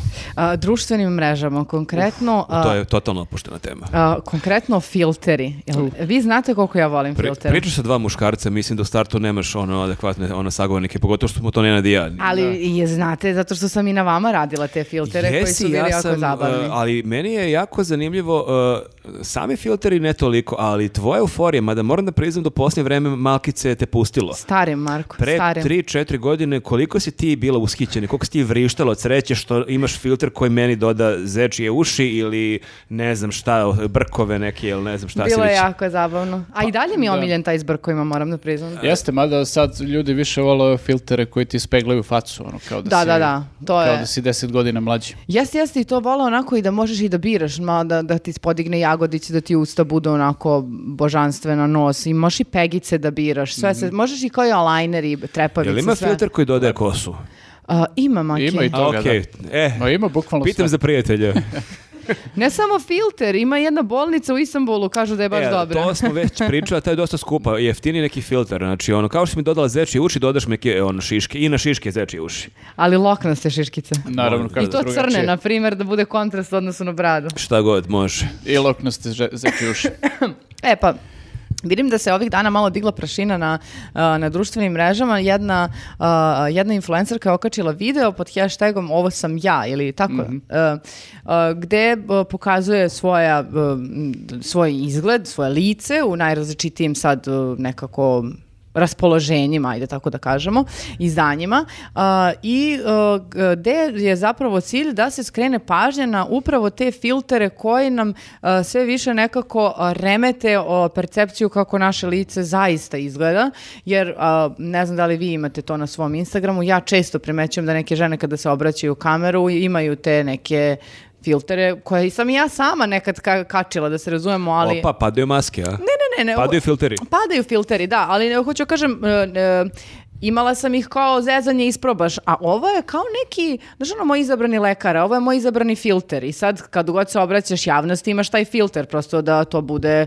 prepoznatljivo, prepoznatljivo lice na Instagramu. I to je sve, b- kako bi rekla, plemenito i lepo da se skrene pažnja na to i da prihvatimo sebe onakvi kakvi smo i da pogledamo u to lice. Međutim, ono što su ovoj devojci mm, Dunji Jo- Jovanović, e, Jovanić. Jovanić e, e, zamerili, na, e, zamerili na, na društvenim mrežama jeste što ona sama e, se podvrgnula nekim, ko- što je ona sama priznaje, nekim estetskim, e, estetskim zahvatima. I onda je to malo kao... e, e, licemerno, rekli bi neki, da to nije u redu, za tako pričaju. Ovi A- što se pozivaš na neke druge. Neki i zameraju, neki bi rekli. Neki bi rekli, Pa, e, da, znaš kako, d- ja e, generalno e, mislim da je e, stvar sa estetskom hirurgijom u tom smislu otišla, e, m, znaš ono, kad čujem da klinke kupuju za rođendan grudi ili srede nos ili stave usta i to dobiju od svojih roditelja, meni malo, ja sam u fazonu, pa jel ne znam, sam ja sad matora pa ne kapiram to što se dešava, ali Što meni ne, to... što ne dobije bicikl. Pa mislim, dobije, brate, ne znam, ono, nešto, ali baš sad usta ili sise, ali dobro.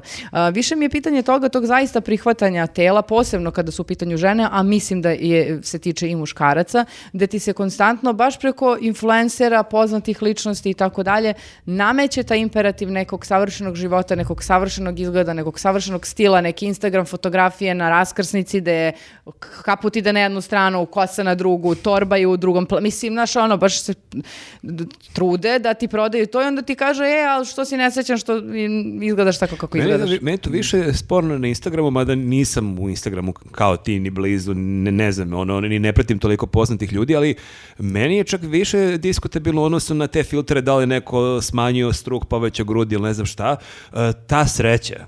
Mhm. Dakle, to kad ti neko prodaje svakodnevnu neku eh, histeriju, neku sreću, neku euforiju iz dana u dan, Mhm. to meni eh, deluje mnogo više lažno nego to ako neka devika koja je zgodna pa se na, uz neki filter predstavi u još Mm, Da, to- boljem izdanju. To, To mi je, još i nije toliko problematično. Da, meni je to kao problem što ovaj, ona priča između ostalog i to kao, ovaj, to se zove Snapchat eh, Dismorfija. dismorfija, kao da ti nisi svestan svog izgleda i kao da treba da eh, prihvate ljudi sebe i to što je ok poruka generalno. I ona je imala u vidu to kao ovo sam ja i kao izmenjala je nekoliko svojih slika iz različitih nekih situacija, faza.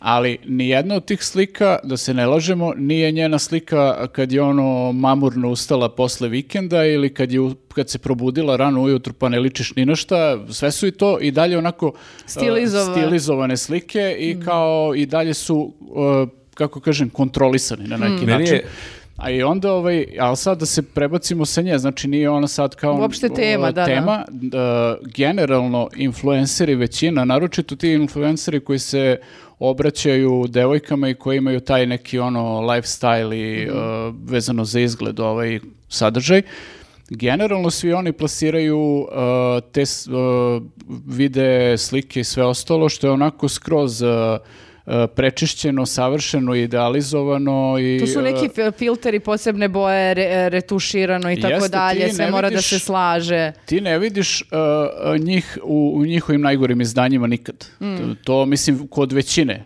Znači Meni je ti njih uvek žao- vidiš u nekom opeglanom izdanju ovako ili onako. Žao mi je što nije to vlada, jer meni je jedan njegov stari tweet, ima jedno 7-8 godina, jedan od njegov, boljih njegovih tweetova, baš na ovu temu, otprilike parafraziram kao, znate onih 10 selfija koje ste obrisali ili ste ružno ispali, e, tako izgledate. Pa da. I to je zapravo e, super rekao, jer, a, ali opet s druge strane, svi mi želimo, koliko god da ti izgled nije bitan, svako hoće da izgleda lepše nego što izgleda i svako će pre da okači fotografiju na kojoj je lepši i srećniji, ali da, zaista upadamo u tu neku zamku da ono... Pa jeste, to je, ali da. uh, kada ti predstavljaš ceo taj uh, profil kao sada nešto što si sa- e, ti i onda se ti obrći i pritom to nisu ljudi koji imaju malo pratilaca, nego to su bre stotine hiljada nekih ljudi, to jeste neki uticaj koji ti imaš i onda samim tim imaš i neku vrstu odgovornosti za to. A i one fotografije gde, ili snimci gde sad kao treba da se pri- prikaže neka negativna strana u smislu uh, ne osjećaju se dobro, nisu lepo raspoloženi i tako dalje i to je visoko stilizovano i to je da opet bude u skladu sa tim nekim gridom. Stilizovana patnja. Stilizovana patnja, jeste, mislim, i onda se, znaš, nekako se pitaš, a pored stilizovane patnje, o, od tih, ono, pozitivnih misli i vibracija, ja ću da poludim, ono, više, to, je- to mi Pa je jeste, tek, to, ono... je malo, to je malo sad i trend, znaš, dosta tih influencera se sad hvata za, tu, za taj voz e, gde kao se poziva na prihvatanje svog tela, sebe, kakvog, kakav jesi i slično, a zapravo, znaš, mislim, prvo bi oni trebali, zato što imaju već toliki uticaj, prvo bi oni trebalo da malo promene svoj kontent u tom smeru, pa kao, ok, ajde pokaži mi ti stvarno kakav jesi on u toku dana, znači, e, ne ono, taj selfie koji ti je ostao posle brisanja ovih prvih deset, Mhm. nego kao, ajde mi stvarno pokaži kako izgledaš kad si sjeban, znaš, ne... I ne samo to, nego- Samo ono kad si nasmejan i kad si sve super i, i Mhm. ostalo. I ne samo to, nego već ako pričaju o tom prihvatanju sebe i o tom, e, o tom telu i licu kako sad imamo, ako su već uradili neke, jel te, zahvati, ne znam šta, zašto onda glasnije ne govore o tome? Jer kapiram, neko nije, brate, srećan što ima nekakav nos. Ja nisam bila srećna kad sam bila klinka što sam imala klempav uši, imala sam zakazanu operaciju na koju nisam otišla. A Stvarno, kao- to, to nisi pričala, imala si zakazanu. da, imala sam zakazanu operaciju jer su me baš bulingovali u osnovnoj školi i nisam o- više ovo što mogla podnesem. I zakazali su i onda smo, sad se jednom smo ručali, jedem supu i onako krećem, plačem. i f- Sad zato što je to sukob onoga kako te roditelji vaspitavaju, da si u redu i da ti ništa ne fali bez obzira što imaš klempav uši i da je to okej, a s druge strane imaš ove koji te ono jašu svaki dan zbog toga i nazivi najgorim imenima. I onda naravno u sukobu ta dva gde ti treba da sad pokažeš na delu da to što ti jesi je okej i da treba da staneš iza toga, a s druge strane naravno osnovna ljudska potreba da bude prihvaćen i voljen i da ga neko ne zajebava. Tako da, uh, da, mogu da razumem. Mogla ja si nemam napraviš kompromisno rješenje. Da... jednu uvo. Jednu uvo. Znala sam da ćeš to da kažeš. To bi, to vam bilo onako... e, Da, Pa svakako mi je ovo jedno klempavije, a ovo drugo to- je to onako ostaviš. stiljivko, a ovo drugo je baš... Aha, nisam primijetio da ima jedno koje... Jedno, ono, da ovo drugo nije tako, ovo ovo bi moglo da prođe kao simpatično. A, je. okej. Ali Može sa da ovim prođe. drugim u tandemu. Ali super je što meni je baš jako drago što to onda nisi uradila, što si uspela da ono se izboriš sa tim. Da Jeste- nemaš problem s tim Ma i da, kažeš. ali e, ne, e, nemam problem ni sa time da dođe neka žena i da mi kaže bila sam ekstremno nesrećna jer nisam imala grudi, to mi je uticalo na samopouzdanje, nisam os- osjećala kao s- b- žena, nisam se osjećala poželjno, nisam mogla da... se- I, i okej mi je da ona, ali ono, e, ajde da pričamo i otvoreno o tome, ali ovo nije čak, hm, kako bi rekla, a, o- ovde se odlazi i korak dalje, da sa tim, da sad ti kao kad ćeš da kupiš maskaru, tako kupiš ono e, malo d- u- onog hijelurona u usta da staviš, znaš, kao Mm. m, ako malo umesto ovog sjaja maje kao počastim sebe, zaslužila sam sad za novu godinu, mogu da, mislim, znaš, nekako mi je taj deo, nije više pitanje prihvatanja, nego sad bre menjanje do ono iznemoglosti, a se kao voli sebe, pa čekaj, jel volimo sebe ili sve vreme Da, š- korigujemo šta sebe si- da bismo se voleli onako kako smo se Da, videli šta negde. si ti zapravo? Pa da, od ali, toga ali što normalno voliš? je da ljudi i žele da koriguju sebe, samo pitanje je, znaš, imaš ti korigovanje sebe ako kreneš u teretanu, ako kreneš na dijetu, Naravno. Mm. dakle imaš sad razne nivoje korigovanja, sad je samo to pitanje dokle je okej i ono što si repo, lepo rekla malo pre mi- meni isto, tužno ako neko mora da ide na neku plastičnu operaciju jer ne može se izbori sa nekim problemima, ali opet ako je to stvarno jedini način, ono, pa onda, Go ok- for onda je it, okej. brate, da. Jedino je Onda ne, problem da. ako se onda navuče pa ako u nekom momentu prestane da liči Da. na sebe, što se često dešava. Pa mislim da, mogu tu i zdravstveni problem, problemi razni da se javi Mhm. i slično, tako da mislim verovatno je kao i u svemu preterivanje loše. Pa da, ali b- b- i onda u- ako već hoćemo da pokrećemo ovakve teme o ostani ti, ostani svoja i pogledaj svoje lice i pričamo o filtru. Pogledaj se na što ličiš. Pogledaj, da, pogledaj sad, e, I ako pričamo samo o Snapchatu i ne znam nija, e, d- f- filterima, onda možemo da idemo korak dalje i da se ne fokusiramo samo na jednu tačkicu, nego da malo Jeste. onda odemo na širi kontekst, pa onda ti, ako si već to sve radila i pomenula i ova devojka i sigurno sam i neke druge, nema, nije to više ni stvar kao sad treba da se krije, da se stidi, ne, ali onda stani pa kaži, pa će to, e, će to tek onda možda da pomogne nekim drugim ženama da prihvate sebe ovako ili onako, ako već hoće to da rade. Da, ali me zanima recimo baš e, onda, ajde sad kako, e, ulazim u tu temu. Ti recimo neretko na svom e, Instagramu kačiš e, svoje re- izdanje kada nisi srećna i, i komentarišeš to kako si, on imaš neke ono, anksioznosti, ne znam.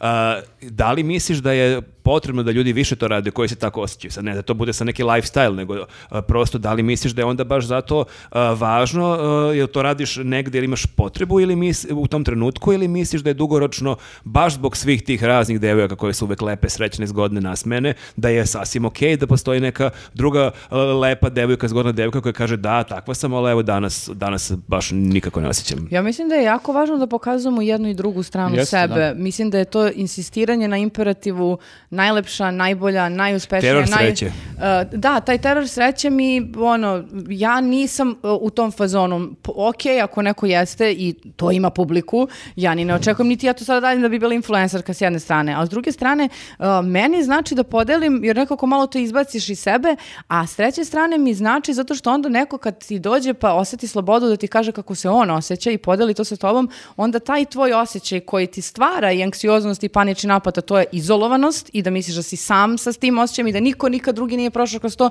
te nekako opet stavlja, da iskoristim priliku i kažem, širi kontekst. Jer onda kad ti je teško, setiš se, pa dobro, ali čekaj, kako je on ono uh, uh, prebacio i kako je njemu bilo. Ja sećam, Da. mi je tip jedan rekao, ortak, uh, da njegov panični napad se svodi na to da tripuje da će mu pukne nešto u glavi.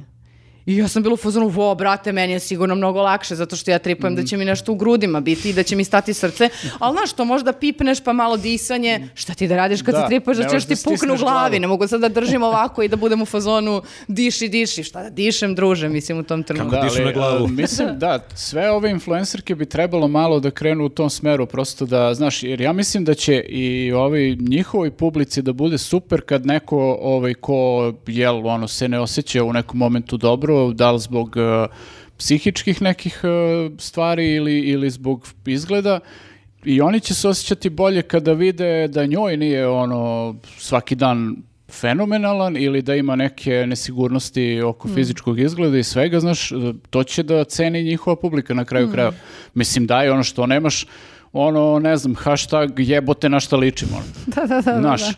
i kao on pozovi ljude na taj hashtag i svako neka ono okači neku svoju sliku iz nekog ne baš najboljeg izdanja i kao znaš, svi smo ljudi, ono, Mm. na kraju kraju. Pa da, ali ti ljudi ako su to neki u- ultrazgodni devojke, momci, oni kada loše izgledaju tog dana, oni dalje izgledaju dobro. Bolje nego i ja dalje, sad. I dalje, Pa sad, i pitanje dalje je su to. Da. zgodni, i dalje samo su možda u tom momentu no, imaju Pa dobro, podočnik. ne treba da se, mislim, izvinjavaš zbog toga što si zgodan ili lep, Ali, nije to poenta, pazi, ali kao da. sirovosti e, trenutka i iskrenosti je p- pre pitanje nego kao... Ali ne sad- mora čak ni da znači ni to, mislim, ima i takvih slučajeva vjerojatno, ali koliko puta smo vidjeli ono novinske članke gde kao u fazonu, ok, znaš, ne znam kako izgleda Rijana ili neka takva, s- ono, baš top zvezda i onda su je uslikali paparaci, ono, negde ispred marketa Ili ti... Vin Diesel, ono, no, no, Vin Diesel, ti bukvalno si uzeo šta je ovo, znaš, ne mogu da prepoznam čoveka, Vin razumeš? Diesel, gde su mišići? Bukvalno to, znaš, kao, tako da to je ono kao, jebi ga, to je život, znaš. I sad kao ti možeš ono da foliraš sve vreme da, da ti je sve super,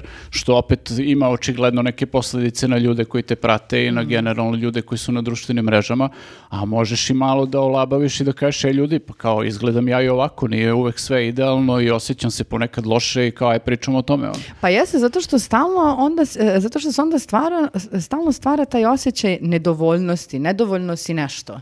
Nisam, do, nemam dovoljno dobro usta, nemam dovoljno lep nos, nisam dovoljno zgodna, nemam dovoljno e, skupu A garderobu. uvek će ti nešto faliti, svako, Pa da, svako će ali- naći nešto što mu fali. Naravno, ali kako se više se insistira na tome da je sve do jaja i da je svakaj ručak najlepši i da je, mislim, dostava Pa da, ali znaš- Volt najbolja vo- d- dostava, mislim, za tu h- sad hranu i da b- kuće najlepše kuće i da je... Pa da, ali i pritom kad ti vidiš u toku dana kao u vidi ova kako danas izgleda ko milion dolara, pa vidiš drugog influencera kupio treći stan, ono kao i hvali se ono i petim kolima na Instagramu, pa vidiš četvrtog koji se hvali ne znam čime da je ono na Bahamima, Maldivima i, Da, da. i Mauricijusu isto vreme. I ti si- šero je patike od 300 evra i kaže ovo je must have. Jeste, i ti si u fazonu, brate, pa da li sam ja najgori, kako ja ništa od ovoga nisam postigao, ono, A- znaš. ali imam zato punu korpu prljavog veša.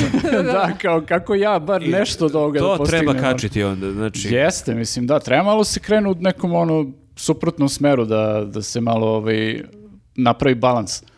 Ja bih to baš voljela, mislim, i da tu nekako sirovost više cenim nego ovo, e, ne znam u kom trenutku će to da prestane, Pr- kapiram da je ta, e, ta stilizacija e, profila nešto što je trend i što će da se menja, u, menja kroz vreme i voljela bih da sledeći bude stvarno neka ono sirovija i skrenija fotografija. Jeste, jeste, da, pa to, jebote na što liči. Jer, e, mislim, i onda će i teme... Jebote ko će ovo da opegla.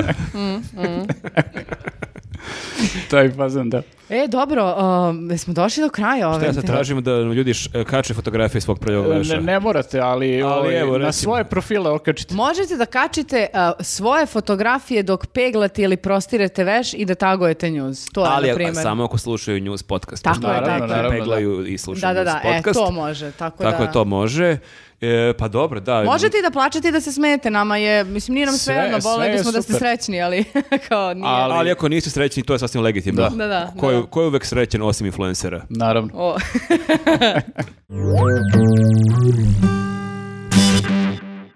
Komentari. Kakva najava? Kratko i jasno. Kratko i jasno da vas pitam Ka- nešto. Kad bi Vučić ovako bio koncizan. Da. Znači, postoji komentari o- od prethodna tri podcasta koje sam imala zadovoljstvo i čast da izlačim. Dobro. A, jedne ni- jedan tip komentara, bolje reći, nisam izlačila zato što ih je bilo mnogo, a tiče se toga kako ste se ponašali u prethodnom podcastu, vas Bili smo dvojica. jako bez- Zapravo. Mi, kako smo se ponašali. E, Nego, e, meni je sad bitno kako smo, smo se mi ponašali u ovom podcastu.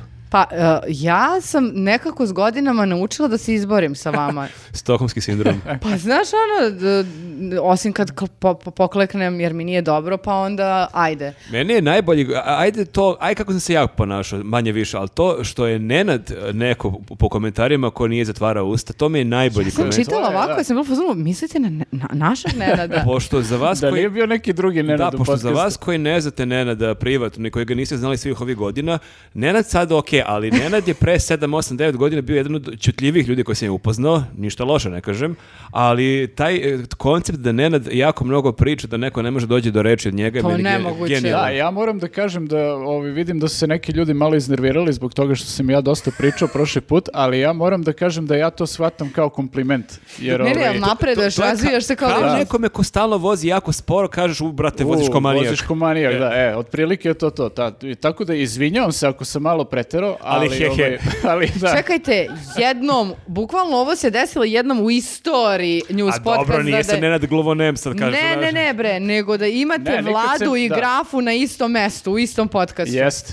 I... vi umesto da budete, bre, malo... A šta, to- to me zanima šta je, jer ja sam čitao i kao, okej, činjenice su manje pričali, ali nije o koncept, nije ovo utisak nedelje kao sad vojitelj pita nešto Izvolite Nenada, sad pa vi, pita tebe, pa gospodine. kao preskoči Pa Dobro, neko. postoje različiti senzibiliteti, nisu svi oko grlati a, a, a, da se svađaju ovde kod Kao neki. ti. Pa ne, neko mora da se izbori za reč ovde. Ti se šamaraš pre podcasta da uđeš u taj mod. Da, jest. Šamaram. Pa Da, to da. da, budeš ono nadrendana da bi mogao da uletiš... uh, Ne, ja to ne radim. On o- opet obmanjuje javnost. Znači, Jeste. bukvalno se napišu... u ko- Sad Ovaj, svi zamišljaju kako se šamaraš.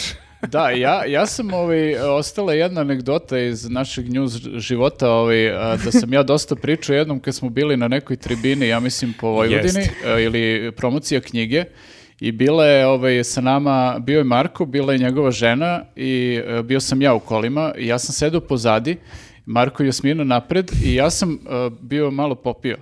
I, Ali fora je što Nenad pre toga, samo da kažem, znači to je, mi se znamo tipa tri godine, Nenad je za t- t- taj put od uh, Vrbasa do Beograda pričao više nego za tri godine ukupno. da, ovaj, uglavnom ja sam se okačio ovako bio na, na sedišta.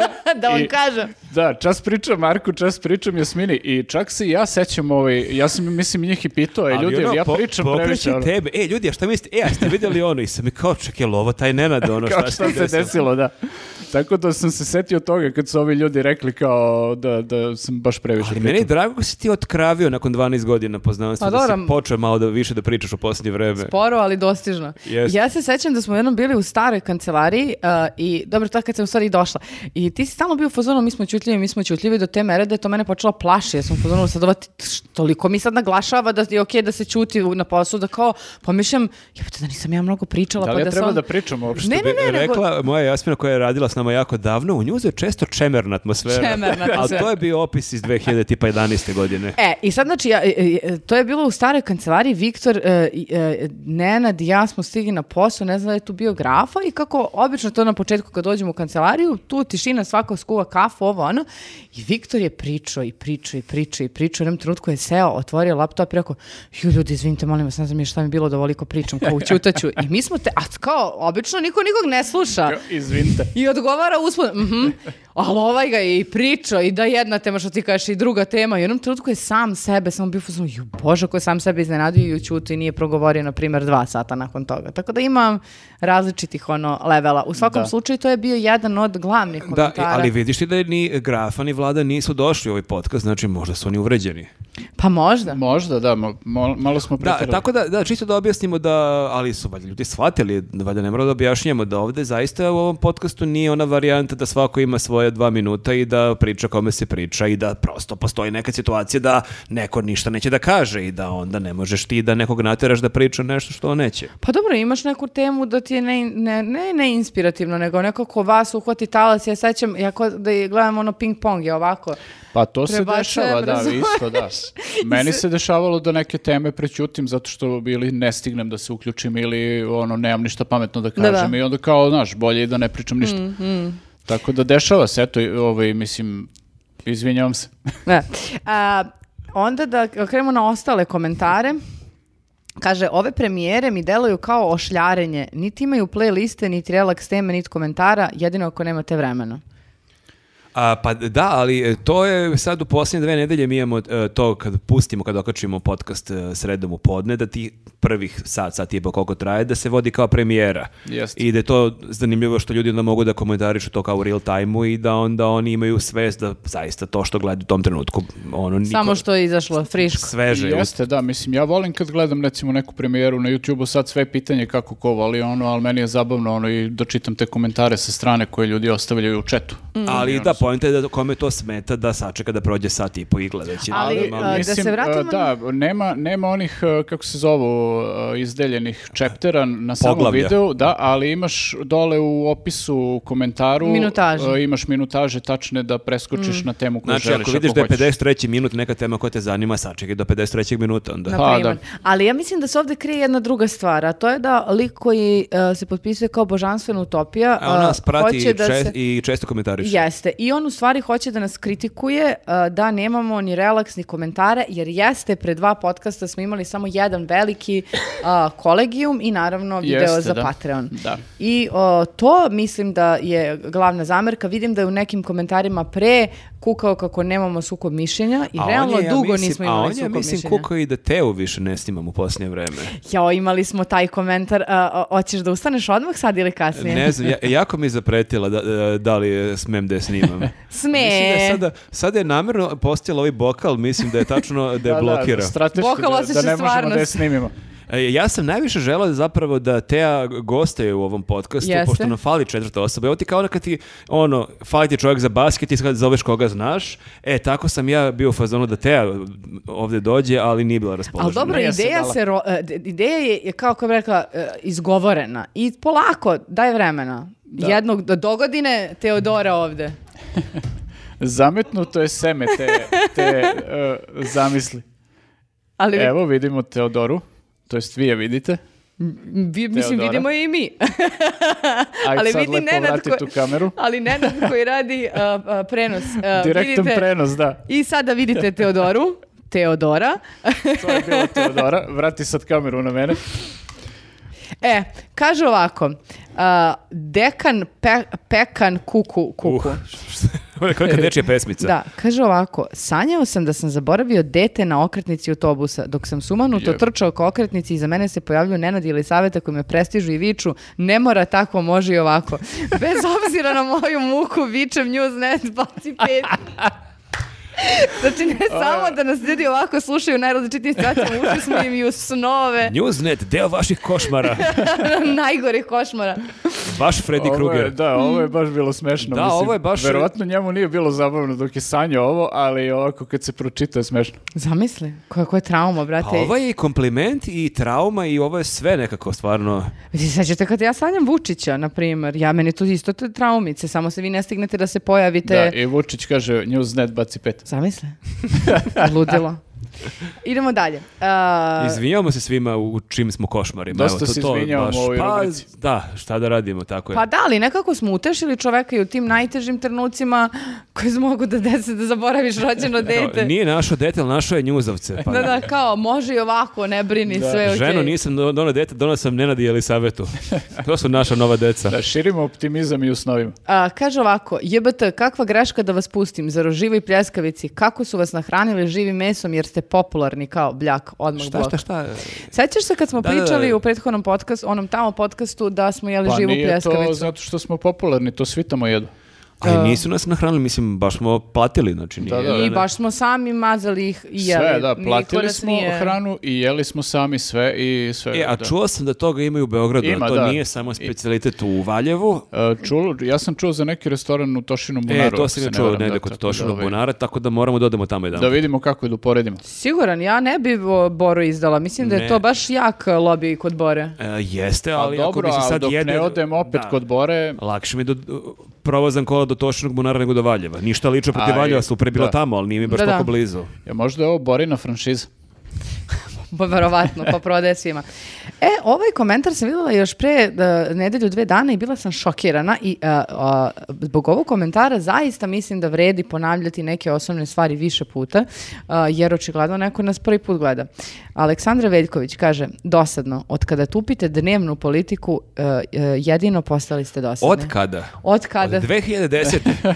pa mi smo baš dosta dosadni onda. Znači, Dosta dugo smo dosadni. da. podcast se s- od samog nastanka bavi Pa news se od samog. Da, dakle, ali i pre- podcast, kako kaže, nije Ali čitala da, news, nego podcast gledala je, podcast. Da, od ideje starta. Od, Ali od mi starta smo ideja krivi. Da, Mi smo krivi, jer mi smo rekli kad smo pokrenuli popcast, koji će krenuti uskoro, će biti druga epizoda. Kakav a, marketing Da, mag. Mala najava. E, mi smo tad rekli da će nam to možda dove, do- dovući neku novu publiku i sad moguće da je neko Možda je ovaj čuo došao za sa nas preko popcasta, da. popcasta i kao au da vidim neke nove serije, filmove, knjige kad Aha. ono Vučić. A to je, t- ta jedna epizoda je bila toliko fantastična da oni misle da se mi ceo život bavimo samo time.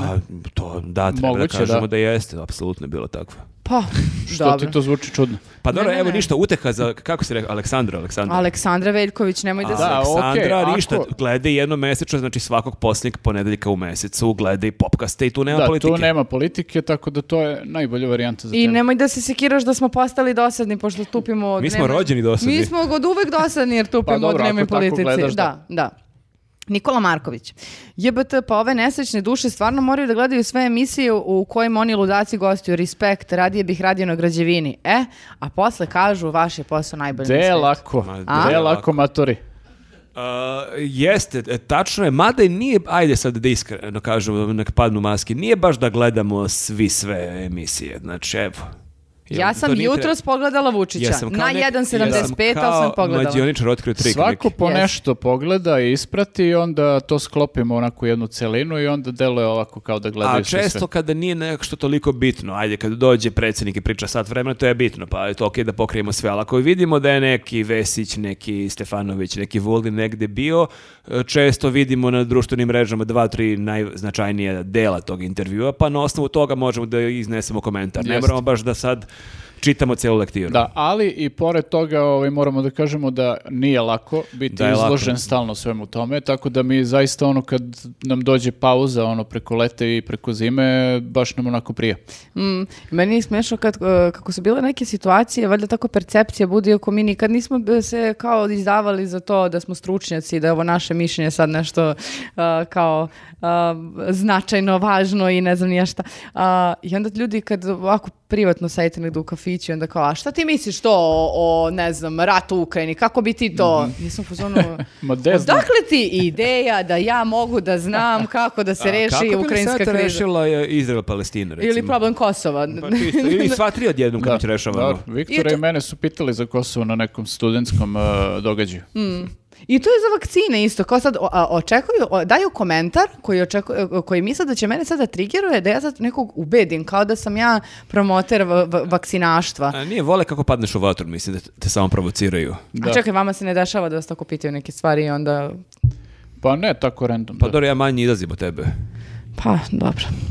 A, idemo dalje. Branislav Valuh kaže, što duže slušam vaš podcast, imam sve veću brigu za Viktora. Bravo, majstore, vrlo hrabro. A, samo da podsjetimo one koji nisu gledali, to je pre... Viktor postao ćale. Viktore Posućala. Bravo majster, vrlo hrabro. A pre, ne, ne, pre nego što je postao Ćale je pričao o tome kako su uh, zastave, uh, himne i to gluposti, kako ne treba se ložimo toliko na te stvari. Jeste, jeste. Ima jedan monolog koji je super ispao. I, I koji je super prošao, ljudi su Jeste, baš jeste, pohvalili. Sjajno, stvarno su bili sjajni komentari, ali zanimljivo mi je što smo mi gostovali u Valjevu par dana kasnije, što je jedan čovjek rekao kao, "A nije došao Viktor, kao, baš sam se pitao da li će smeti da dođe, pošto znaš, u ovom kraju bi mu možda zamerio neko što je to rekao, ali da, super su komentari. Da, da, Ali evo, ta- tad se krije, mislim da je to posljednji podcast kad je on Jeste, da. gostovao.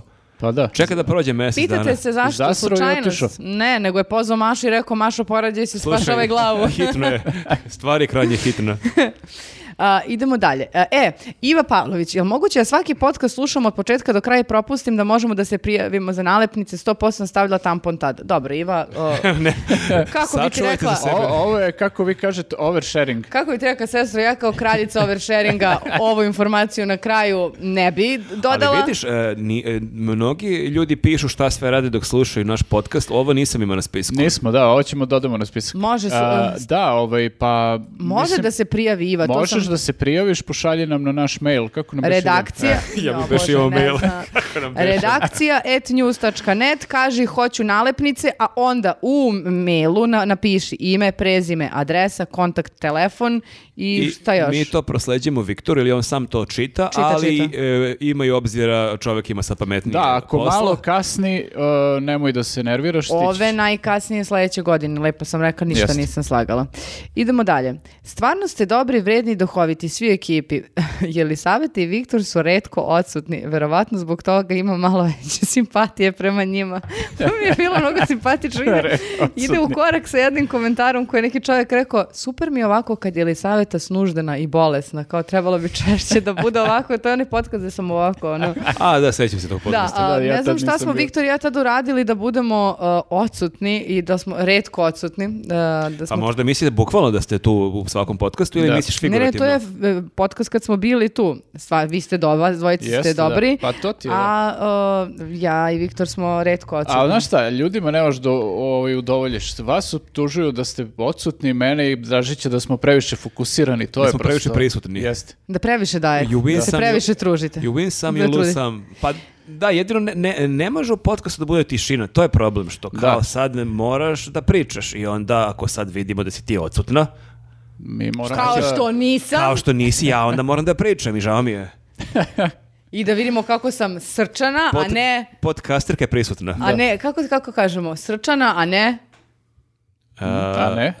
Luda? Šta, šta, šta, šta kažemo? ubiću ga. Pa ne znam šta smo... A ne ostrašćena, što A, sam te ostrašćena. naučila? A, A, ostrašćena, Pa, okej. okej. Srčana, Da, a da. ne ostrašćena, prisutna. Strastvena, okej. Strastvena. Strastvena, to je bila reč koja mi fala. Sla- Slados, Sladostrast. Ovo mi je naj, e, ovo me, ovo me komentar najviše onako uplašio, ali dobro, slušajte. Ovo mi je drugi po redu omljeni podcast. Galeb najjači, naravno. Imam predlog. To najjači, naravno. Ne znam, ali nema veze, veruj mi, ovo je gora Dobro, pusti, informacija aha, od ove sad, ovo sledeće. je sad Znači, najbolje ovo bolide. ćeš zaboraviti. Imam jedan predlog, da Nenad i Galeb naprave još jedan podcast i da pričaju o metalu 3-4 sata. Ima nas koji bismo to slušali. Druže, fenomenalna ideja. Koliko vas, da vas čujem, Ovo je koliko fenomenalna vas, e, ideja. e, Znači- pet duša. E, tih 16 ljudi bi uživalo neizmerno. Da, znači da pojasnimo, Galeb i Nenad ne bi pričali o metalu sti- tipa Metallicin peti album ili Slayer. Znači, oni bi pričali o metalu koji ni metalci ne znaju šta je. To, Bre, Ma čak ne, bre. oni su pričali o stvarima da čak ni Galeb nije mogao da se seti svih stvari, pa se na ručku e, podsjetio, pa su nastavili Ali da se pričaju. setio, da. ma Ne, gu- Google, prosto- ako idem ja do toalete i kao Google. Prosto ne možeš da se setiš u momentu svih stvari, ono, ne možemo ni mi da držimo sve to u glavi. ne, toliko, vi tako samo to da- nemojte snimati ovdje kod nas pred nama. Znači, vi Pazi, idite negde, snimite. Ja vam teu ne dam. Znači, Tri. nađite... Žena e, poludi. Ne, ne, pa izgubili bismo, je, ja Sni- znam, ne bi... Okrenemo kameru posle mjesec dana, žena propala. Pazi, ona može, Sedela. možemo da smislimo nešto da budu samo fiksirane kamere, ona nek ode, nek iskulira ono na ručak šta god, ono dok mi Ne, ne, završimo, ona ona, nek se snima, ali vrati posle. sluša neku normalnu muziku. Da, da, da. pusti, pusti neki R&B. Pusti drugi podcast, sluša ono dok mi pričamo. Tako da, ovaj, da, slažem se, to je super ideja i ovaj, nadam se da će nekad u budućnosti možda da se realizuje, ovaj, zato što eh, svet bi dobio mnogo tim A podcastom. znaš što je dobro svakog podcasta? Što, šta god da pričaš i šta god da snimaš, neko će to gledati i slušati. Da li To to, je to tačno. 15 ljudi ili 50.000, to je sad pitanje, ali što da ne? Ako vi E, imate kritičnu masu, ja Ako, vas... ako ti pod- mene ugrožavaš, Pazi, eh, Ako Pa to radiš u neka četiri zida svoja, ajde, ajde, samo da vidim dok li ćete s ovim. pa m, mislim neki da sam do... metalast. Ne, ja moram, ja moram da kažem, ovaj, eh, Šonela si. početkom 2000-ih je postao jedan onako talas metala u Srbiji, metalci su bili jako brojni, bilo je ono, živa Poštovani, scena i ugledni sve to. ljudi. Gospodo metalci. Gospoda metalci, da. Ovaj, I to je nekako umeđu vremenu zamrlo i mislim da je sad već vreme da se ponovo živi ta Revival, scena. revival. I da, naš podcast bi mogao da doprinese tome da, da se ponovo živi scena u Srbiji. da, da- Osnujete neku stranku, stranka maturih medalaca. Može i to. E, S, SMM. SMM. SMM. Može. To je sledeći korak, da. Prvo moramo pokrenemo podcast. Tako da, A, što e, da ne? super predlog, e, razmotrit ćemo. Moja komšnica je rekla da bi jako volila da u popkastu ti više pričaš o metalu. E, sad to je njeno mišljenje. Ja mogu da ti dam i njen kontakt. da ti- Komšinicino mišljenje... Ti se s njom čuj, pa ti njoj pričaj o Znači, metalu. Ne, molim nemoj vas. u podcast. Ne moraš da ubiješ nas sve, ali eto, imaš publiku. Ne, vi ne biste verovali koliko ima ljudi koji se i meni javljaju ovako u inbox ono i zahvaljuju se neke preporuke ili za tako neke stvari. Tako da ima ljudi, samo nisu, to su fini ljudi, sve nisu neki napadni koji će Gospoda tu nešto metalci. da, da smaraju. Da, Ne, gospoda fini ljudi metalci. kao ti. Nenad na stvara primjer, neće. čudovište, Jeste, da. pravi neku kritičnu masu. O, Ja se plašim, ne da... Lagano ono, kuva žabu, razumeš? Sledeća revolucija će biti revolucija metalaca. Vučić je sruše metalci. Tako je, da. Zamisli ono, Galeb i Nenad predvodnici nove nama kad se opozicije. bude zamerio, to je kraj. Da, da, još, da, bili su ono ranije, ono čačani upali prvi u skupštinu, sad će me- metalci. A Jeste. metalci čačani. Jeste, e, metalci na zmajevima. Pa pazi, oni nisu čačani, ali jedan iz Brusa, drugi tazbin u Gornje Milanovcu. Samo Šta je ćeš? jedan podatak, jel postoje veliki heavy metal, veliki poznati domaći heavy metal band iz Čačka, e, nekrofobija početkom 90-ih. E, jeste, da. Krenuli ste, rekao, bez čisto povratka da, čisto završavamo. da ne bude samo galebi ne znaju nešto o metalu. Jeste, Molim te. jeste, da. Imao je, postojala je ta neka scena 90-ih ozbiljna, tako da možemo u tom u popkastu. Isključila se. Ne, ne, stvarno. Gotovo je već. Id E je. Iskreno sam se razočarila i savjetujem Marka jer nemaju muda da kažu šta misle nego se prepuštaju populizmu koji SNS. Viktoru svaka Šta čast. smo sad uradili, ili Opet smo stvarno? krivi. Opet, šta god uradimo, zasiramo Šta, a nešto. šta je Viktor rekao? Brate, pa ste vi- znači- A, Mi Viktor smo- je imao taj neki monolog. ono. O zastavama, opet A, se dobro. Mhm. vraćamo na tu kontraverzu. A v- Marko i ja smo negde i vlada stvarno bili glas razuma koji smo ovako spustili Pa loptu. ja, ne, nije glas razuma, ja stvarno, k- ja sam tad rekao i ponavljam, ja imam taj moment loženja, ja evo sad kad smo kod zastave, Dobro, igram, pa da. ja sad kad je svetsko prvenstvo se ložim, ja mu kažem da mi je, da ne, imam nula emocija Da li prema... imaš zastavu kod kuće? Nemam zastavu, imam dres, ali je dres iz 2010. godine i rekao sam da razmišljam da možda kupim ovaj novi dres, iako mi je dosta Koliko košta? ružan, 90 evra. To, to je... Budeš li da, 90 To je jedan od evra? razloga što nisam kupio, ali razmišljam da možda trčim naredni maraton u tom Da. dresu, ali još uvek nisam prelomio. Ne znam kako, ne znam kako želim da kažem da treba da dam 90 evra za jednu majicu. Pa smisli da daješ za nešto drugo, ne znam. Dobra stvar je što moja žena ne gleda ove podcaste, tako da, Da. možda neće znati. Neće ni da čuje, da. Vidi, 2000, kakav divan dres. Čekaj, ali ona će te videti u tom dresu. Ali neće znati cenu, Da. ja, ću- ja kažem to košta 2500. Bukvalno je prva stvar koju će te pita koliko ovo E, košta. Neće, nije na taj lik, sad će da googla. Ne, znači, ako vidite, mo- Neće da ako googla, pitaće vidite te. moju ženu, 2500 dinara Da, košta. ako pita, kažete 2500. Da, pa ništa jebi ga izgleda da Viktor ovaj nije, e, mislim da sam ja bio u tom podcastu, bio bi malo veći balans. E, jeste, jeste, i ti vidovi batine, da. Verovatno da, tako da, ali dobro. Ovaj, e, mislim, ponosan sam na njega što je iz- izneo tu ideju i što je bio dosledan u, Ponosan u sam na njega. propagiranju. Ponosna sam na njega, čedo moje. O, Govor na sahrani. Dragana Živković kaže, e, vlada je genije, ali k- kakav nesputani duh ima. A, prosto leči duhovitošću. Ali e, vladu možeš da opišeš na različite načine, ali da kažeš da ima nesputani duh. Pa to je eufemizam da baš ono svašta je u stanju da kaže. Da, da, Nesputani dug, da. I on tebi svašta i kaže, to isto moram da kažem. to jeste istina. Da. To je baš Ali nesputano. dosta te nesputano e, komentariše. Da, bez ikakve kočnice. Ali Je- mislim, ružno je da to ti govoriš kad ti apsolutno ne znaš šta je sam K od i- i, kočnice. još ne znam. nesputaniji nekad da, kad je reč mislim. o komentarisima tebe. E, vlada jeste takav i, i fali nam vlada što češće nije u podcastu. Ja se nadam da će sledeće nedelje on, on biti ovde, ali to Vidjet se s njim ćemo, da. nikad ne zna. Pa To možda je- predođe to je Viktor nego lutrija, vlada da. opet, ali dobro, navijamo. E, a, da se vratimo na još jednu jako bitnu stvar koju smo propustili da prokomentarišemo, a to je kako se kaže bundeva. A, I a, da jedna žena rekla da nije nigde čula da se tako kaže, ali Adam Aristofanes kaže... Pa ti je jasno, taj lik ne postoji. Zapravo, Adam pa- Aristofanes. to je- rekao bih da Zapravo, teritorijalno neka polovina mešavina- Srbije izvorno kaže bundeva. Ma on je mešao nekog biblijskog lika i- Bundeva. iz grčke mitologije, ono. Kogod daje, Adam Aristofanes je napisao pravdati ili savetu i bundevu. Ti- ti I uvek- ja ovom su, ovim su, A, ovom Je prilikom sad ti želim da... znao ni relationship with Adam Ona, Aristofanes? ona uvek ovaj, da, ona uvek o- ovaj neku jezičku ovaj, And it's a, complicated. It's very good. Because the guy is not real. A, u svakom slučaju, a, je, slažem se sa Adamom u- uvek Aristofanesom. napravi neki lingvistički skandal ovaj, ili savjet. Jeste, oni iz Užicama nam i dalje komentarišu ljudi. Da. Pa, I a, bundeva. Znaš da su me okačili na Instagramu, bre, neka stranica jezička, kao kako se kaže. I onda su, Ne kaže se ovako. i kao, he, he, ne zameri. E, Neka stranica, sunce ti jebem šta su rekli. Bukvalno. E, i za kraj, uh, ljudi često misle da smo mi uh, u, ovim, na ovim, u ovim podcastima um, cirke, uh, ne znam iz kog razloga. A evo neki sad, Vera Đorđević, uh, žena, nam je napisala jeste se zapili, ali neka ste. E sad ja ne znam, uh, znači to je kad smo, uh, kad nismo snimili onaj zvuk, dobro. Uh, gde smo mi, kako mi dalo? Ova marljiva devojka to nije snimila, ja ne znam ko je došao pijen ovde. E, ako je neko bio, ako se neko zapio, Ne znam kako dođe sa Somersbijem. Zato ona neće da snimamo ovde. Ko zna šta bi pričala, ono, sapliće ovde jezik. Kao, Nenad i Marko držali slovo, sedne Teodora, da vam kažem nešto, Zapravo. momci. ne, samo da kažem, ovaj podcast sa Galebom nećeš ti da snimaš. Ne primamo Pre- pijene. predomislio sam se. Ne primamo pijene snimatelje.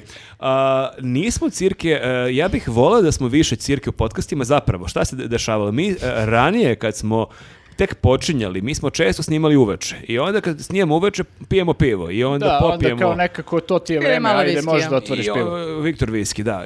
A i ti, ti lozu. I onda... Lozu, nemoj da me vređaš i sad. onda kad snimaš, popiješ ono možda koje pivo više, tako da smo tad bili ne baš cirke, ali smo bili nekad možda malo pripiti. Jeste malo, da. Stvarno Ali jesmo. I, diskretno. ta- ali što se što tada niko nije to komentarisao tako, a baš je... I tad su meni mnogo delovali podcasti smešni i zabavni dok smo ih imali nego kad ih sutradan gledam. Jeste, da. Misliš to- da je urembesno, ali mislim, okej, budu dobri, ali ne baš kako, se, Ne kako je baš nama toliko, izgledalo. Ali da, zaista moramo da ovako otkrijemo ovako jednu smaračku istinu da mi posljednjih ono, godinu, dve dana snimamo u nekom ranijem terminu, tipa Jest. ono u podne, jedan popodne i da zaista Tad ne možemo. 90 Pre- nešto previše posto- rano, Pa da. previše rano, uglavnom pijemo neku kafu, neki, neku vodu, neki sok i tako. Tako. E, a znaš šta bismo mogli novogodišnji da snimamo uz neku pivcu? Pijeni to, podcast. da, da bude onako jedna svečarska atmosfera. Ali A, da. mora da bude oni RTS faz, znači budemo svi elegantni, ti budeš u nekoj haljini, mi u nekoj I- odela lepter Prošle mašne. go- godine imamo- u haljini bila. E, I ovdje se smenjuje, znači, vojska, policija, I- vatrogasci, i, da, lekari. I gomila pevača koji se njišu. I oni medli od 10 minuta, ali znači moraju te institucije, znači vojska i policija mora da bude. A da li u- hoće da nam daju orkestar ovaj RTS, onaj njihov? smestimo Big ih band. u drugu sobu. da. Kad- ili barem jednog lika, tipa obojistu. da, ali samo se čuje on. Čuje se Samo klarinet. klarinet ili oboja, samo čuje Ali i to je držimo to. ih u kavezu, to je bilo super. Ne, to je malo diskriminišuće, moram ti kažem. Nije, to je, da, malo je... A kad si mene te u kavez da staviš, to nije diskriminišuće. A ja Nije, kad pa- obojistu sad hoću da stavim u kavez, to je... Je li saveta? Kako Pa, si mogla? Da si Ja obojista... nisam teo da ti stavim u kavez, znači to u startu nije tačno, a ti obojistu baš jesi. Ja Da. ne bi mogao, zagledali bi mu se oboja ovde. Da, ne, mislim još da plaćamo obo. Z- Zovemo vatrogasci, čupate obojistu, ne, zaglavio se liku kavez. Obojista može da izađe, ali oboa ne može. A čekaj, ali ćemo im imati stvarno novogodišnji neki specijal, nešto? Pa ja mislim da će imati novogodišnji Pa podcast. imat ćemo sigurno, da. Hoćemo opet da onako lepo okitimo Naravno studio. da hoćemo. I jedna Jeste. devojka nam se javila, hoće da nam pošalje dekoraciju. E, pa to je strava. Da, pa mi ćemo snimati 26. da izađe 28. tako da da. To je skoro pa novogodišnje. Pa 20, 28. gde ćeš novog... Ili Novogo- možemo da snijemo novogodišnji. utorak pa da izađe u četvrtak. Da, to je ono baš prednogodišnje ludilo u, u punom gasu. Da, da, znači, da. e, spremamo rusku salatu i šta se još e, jede i pije za novu Jeste, godinu. da. Pa možda možemo nekog sponzora da imamo za novu godinu, ne, Pa imat ćemo ga sigurno. da, neki ono majonez ili nešto, nemam pojma. Majonez? Pa lupam šta treba za novu godinu za rusku salatu. Možda bora. Pa čekaj, bre, pričamo o alkoholu, neko alkoholno piće, valjda neko pivo, Ajde, neki šta viski. god. Da, i jedemo žive pljeskavice. To smo sredili. Jel su to svi komentari? Jesu. Ništa. Dobro, e, hvala dogovorili smo vam. se sve. Nastavite da nam pišete. e, Nastavite da komentarišete kako Nenad mnogo priča. I Marko također, ne zaklapa. mo- Mogu Pa i ja. dobro, ja mislim da sad nisam baš toliko, a? Ne, bio si odličan sad. Sad si baš onako lepo E, dozirao. pa dobro, to je, to je bitno. Ja sam je upao par puta onu reč, ali dobro. A nema to je čar A našeg dobro, to kad podcasta. pričaš nešto bez veze. veze. I kad prosto ne možeš da izdržiš, nego moraš da kažeš odmah. Sama je tražila, sama si kriva. Ćao ljudi, vidimo Ćao, se. vidimo se. Ćao. Ćao.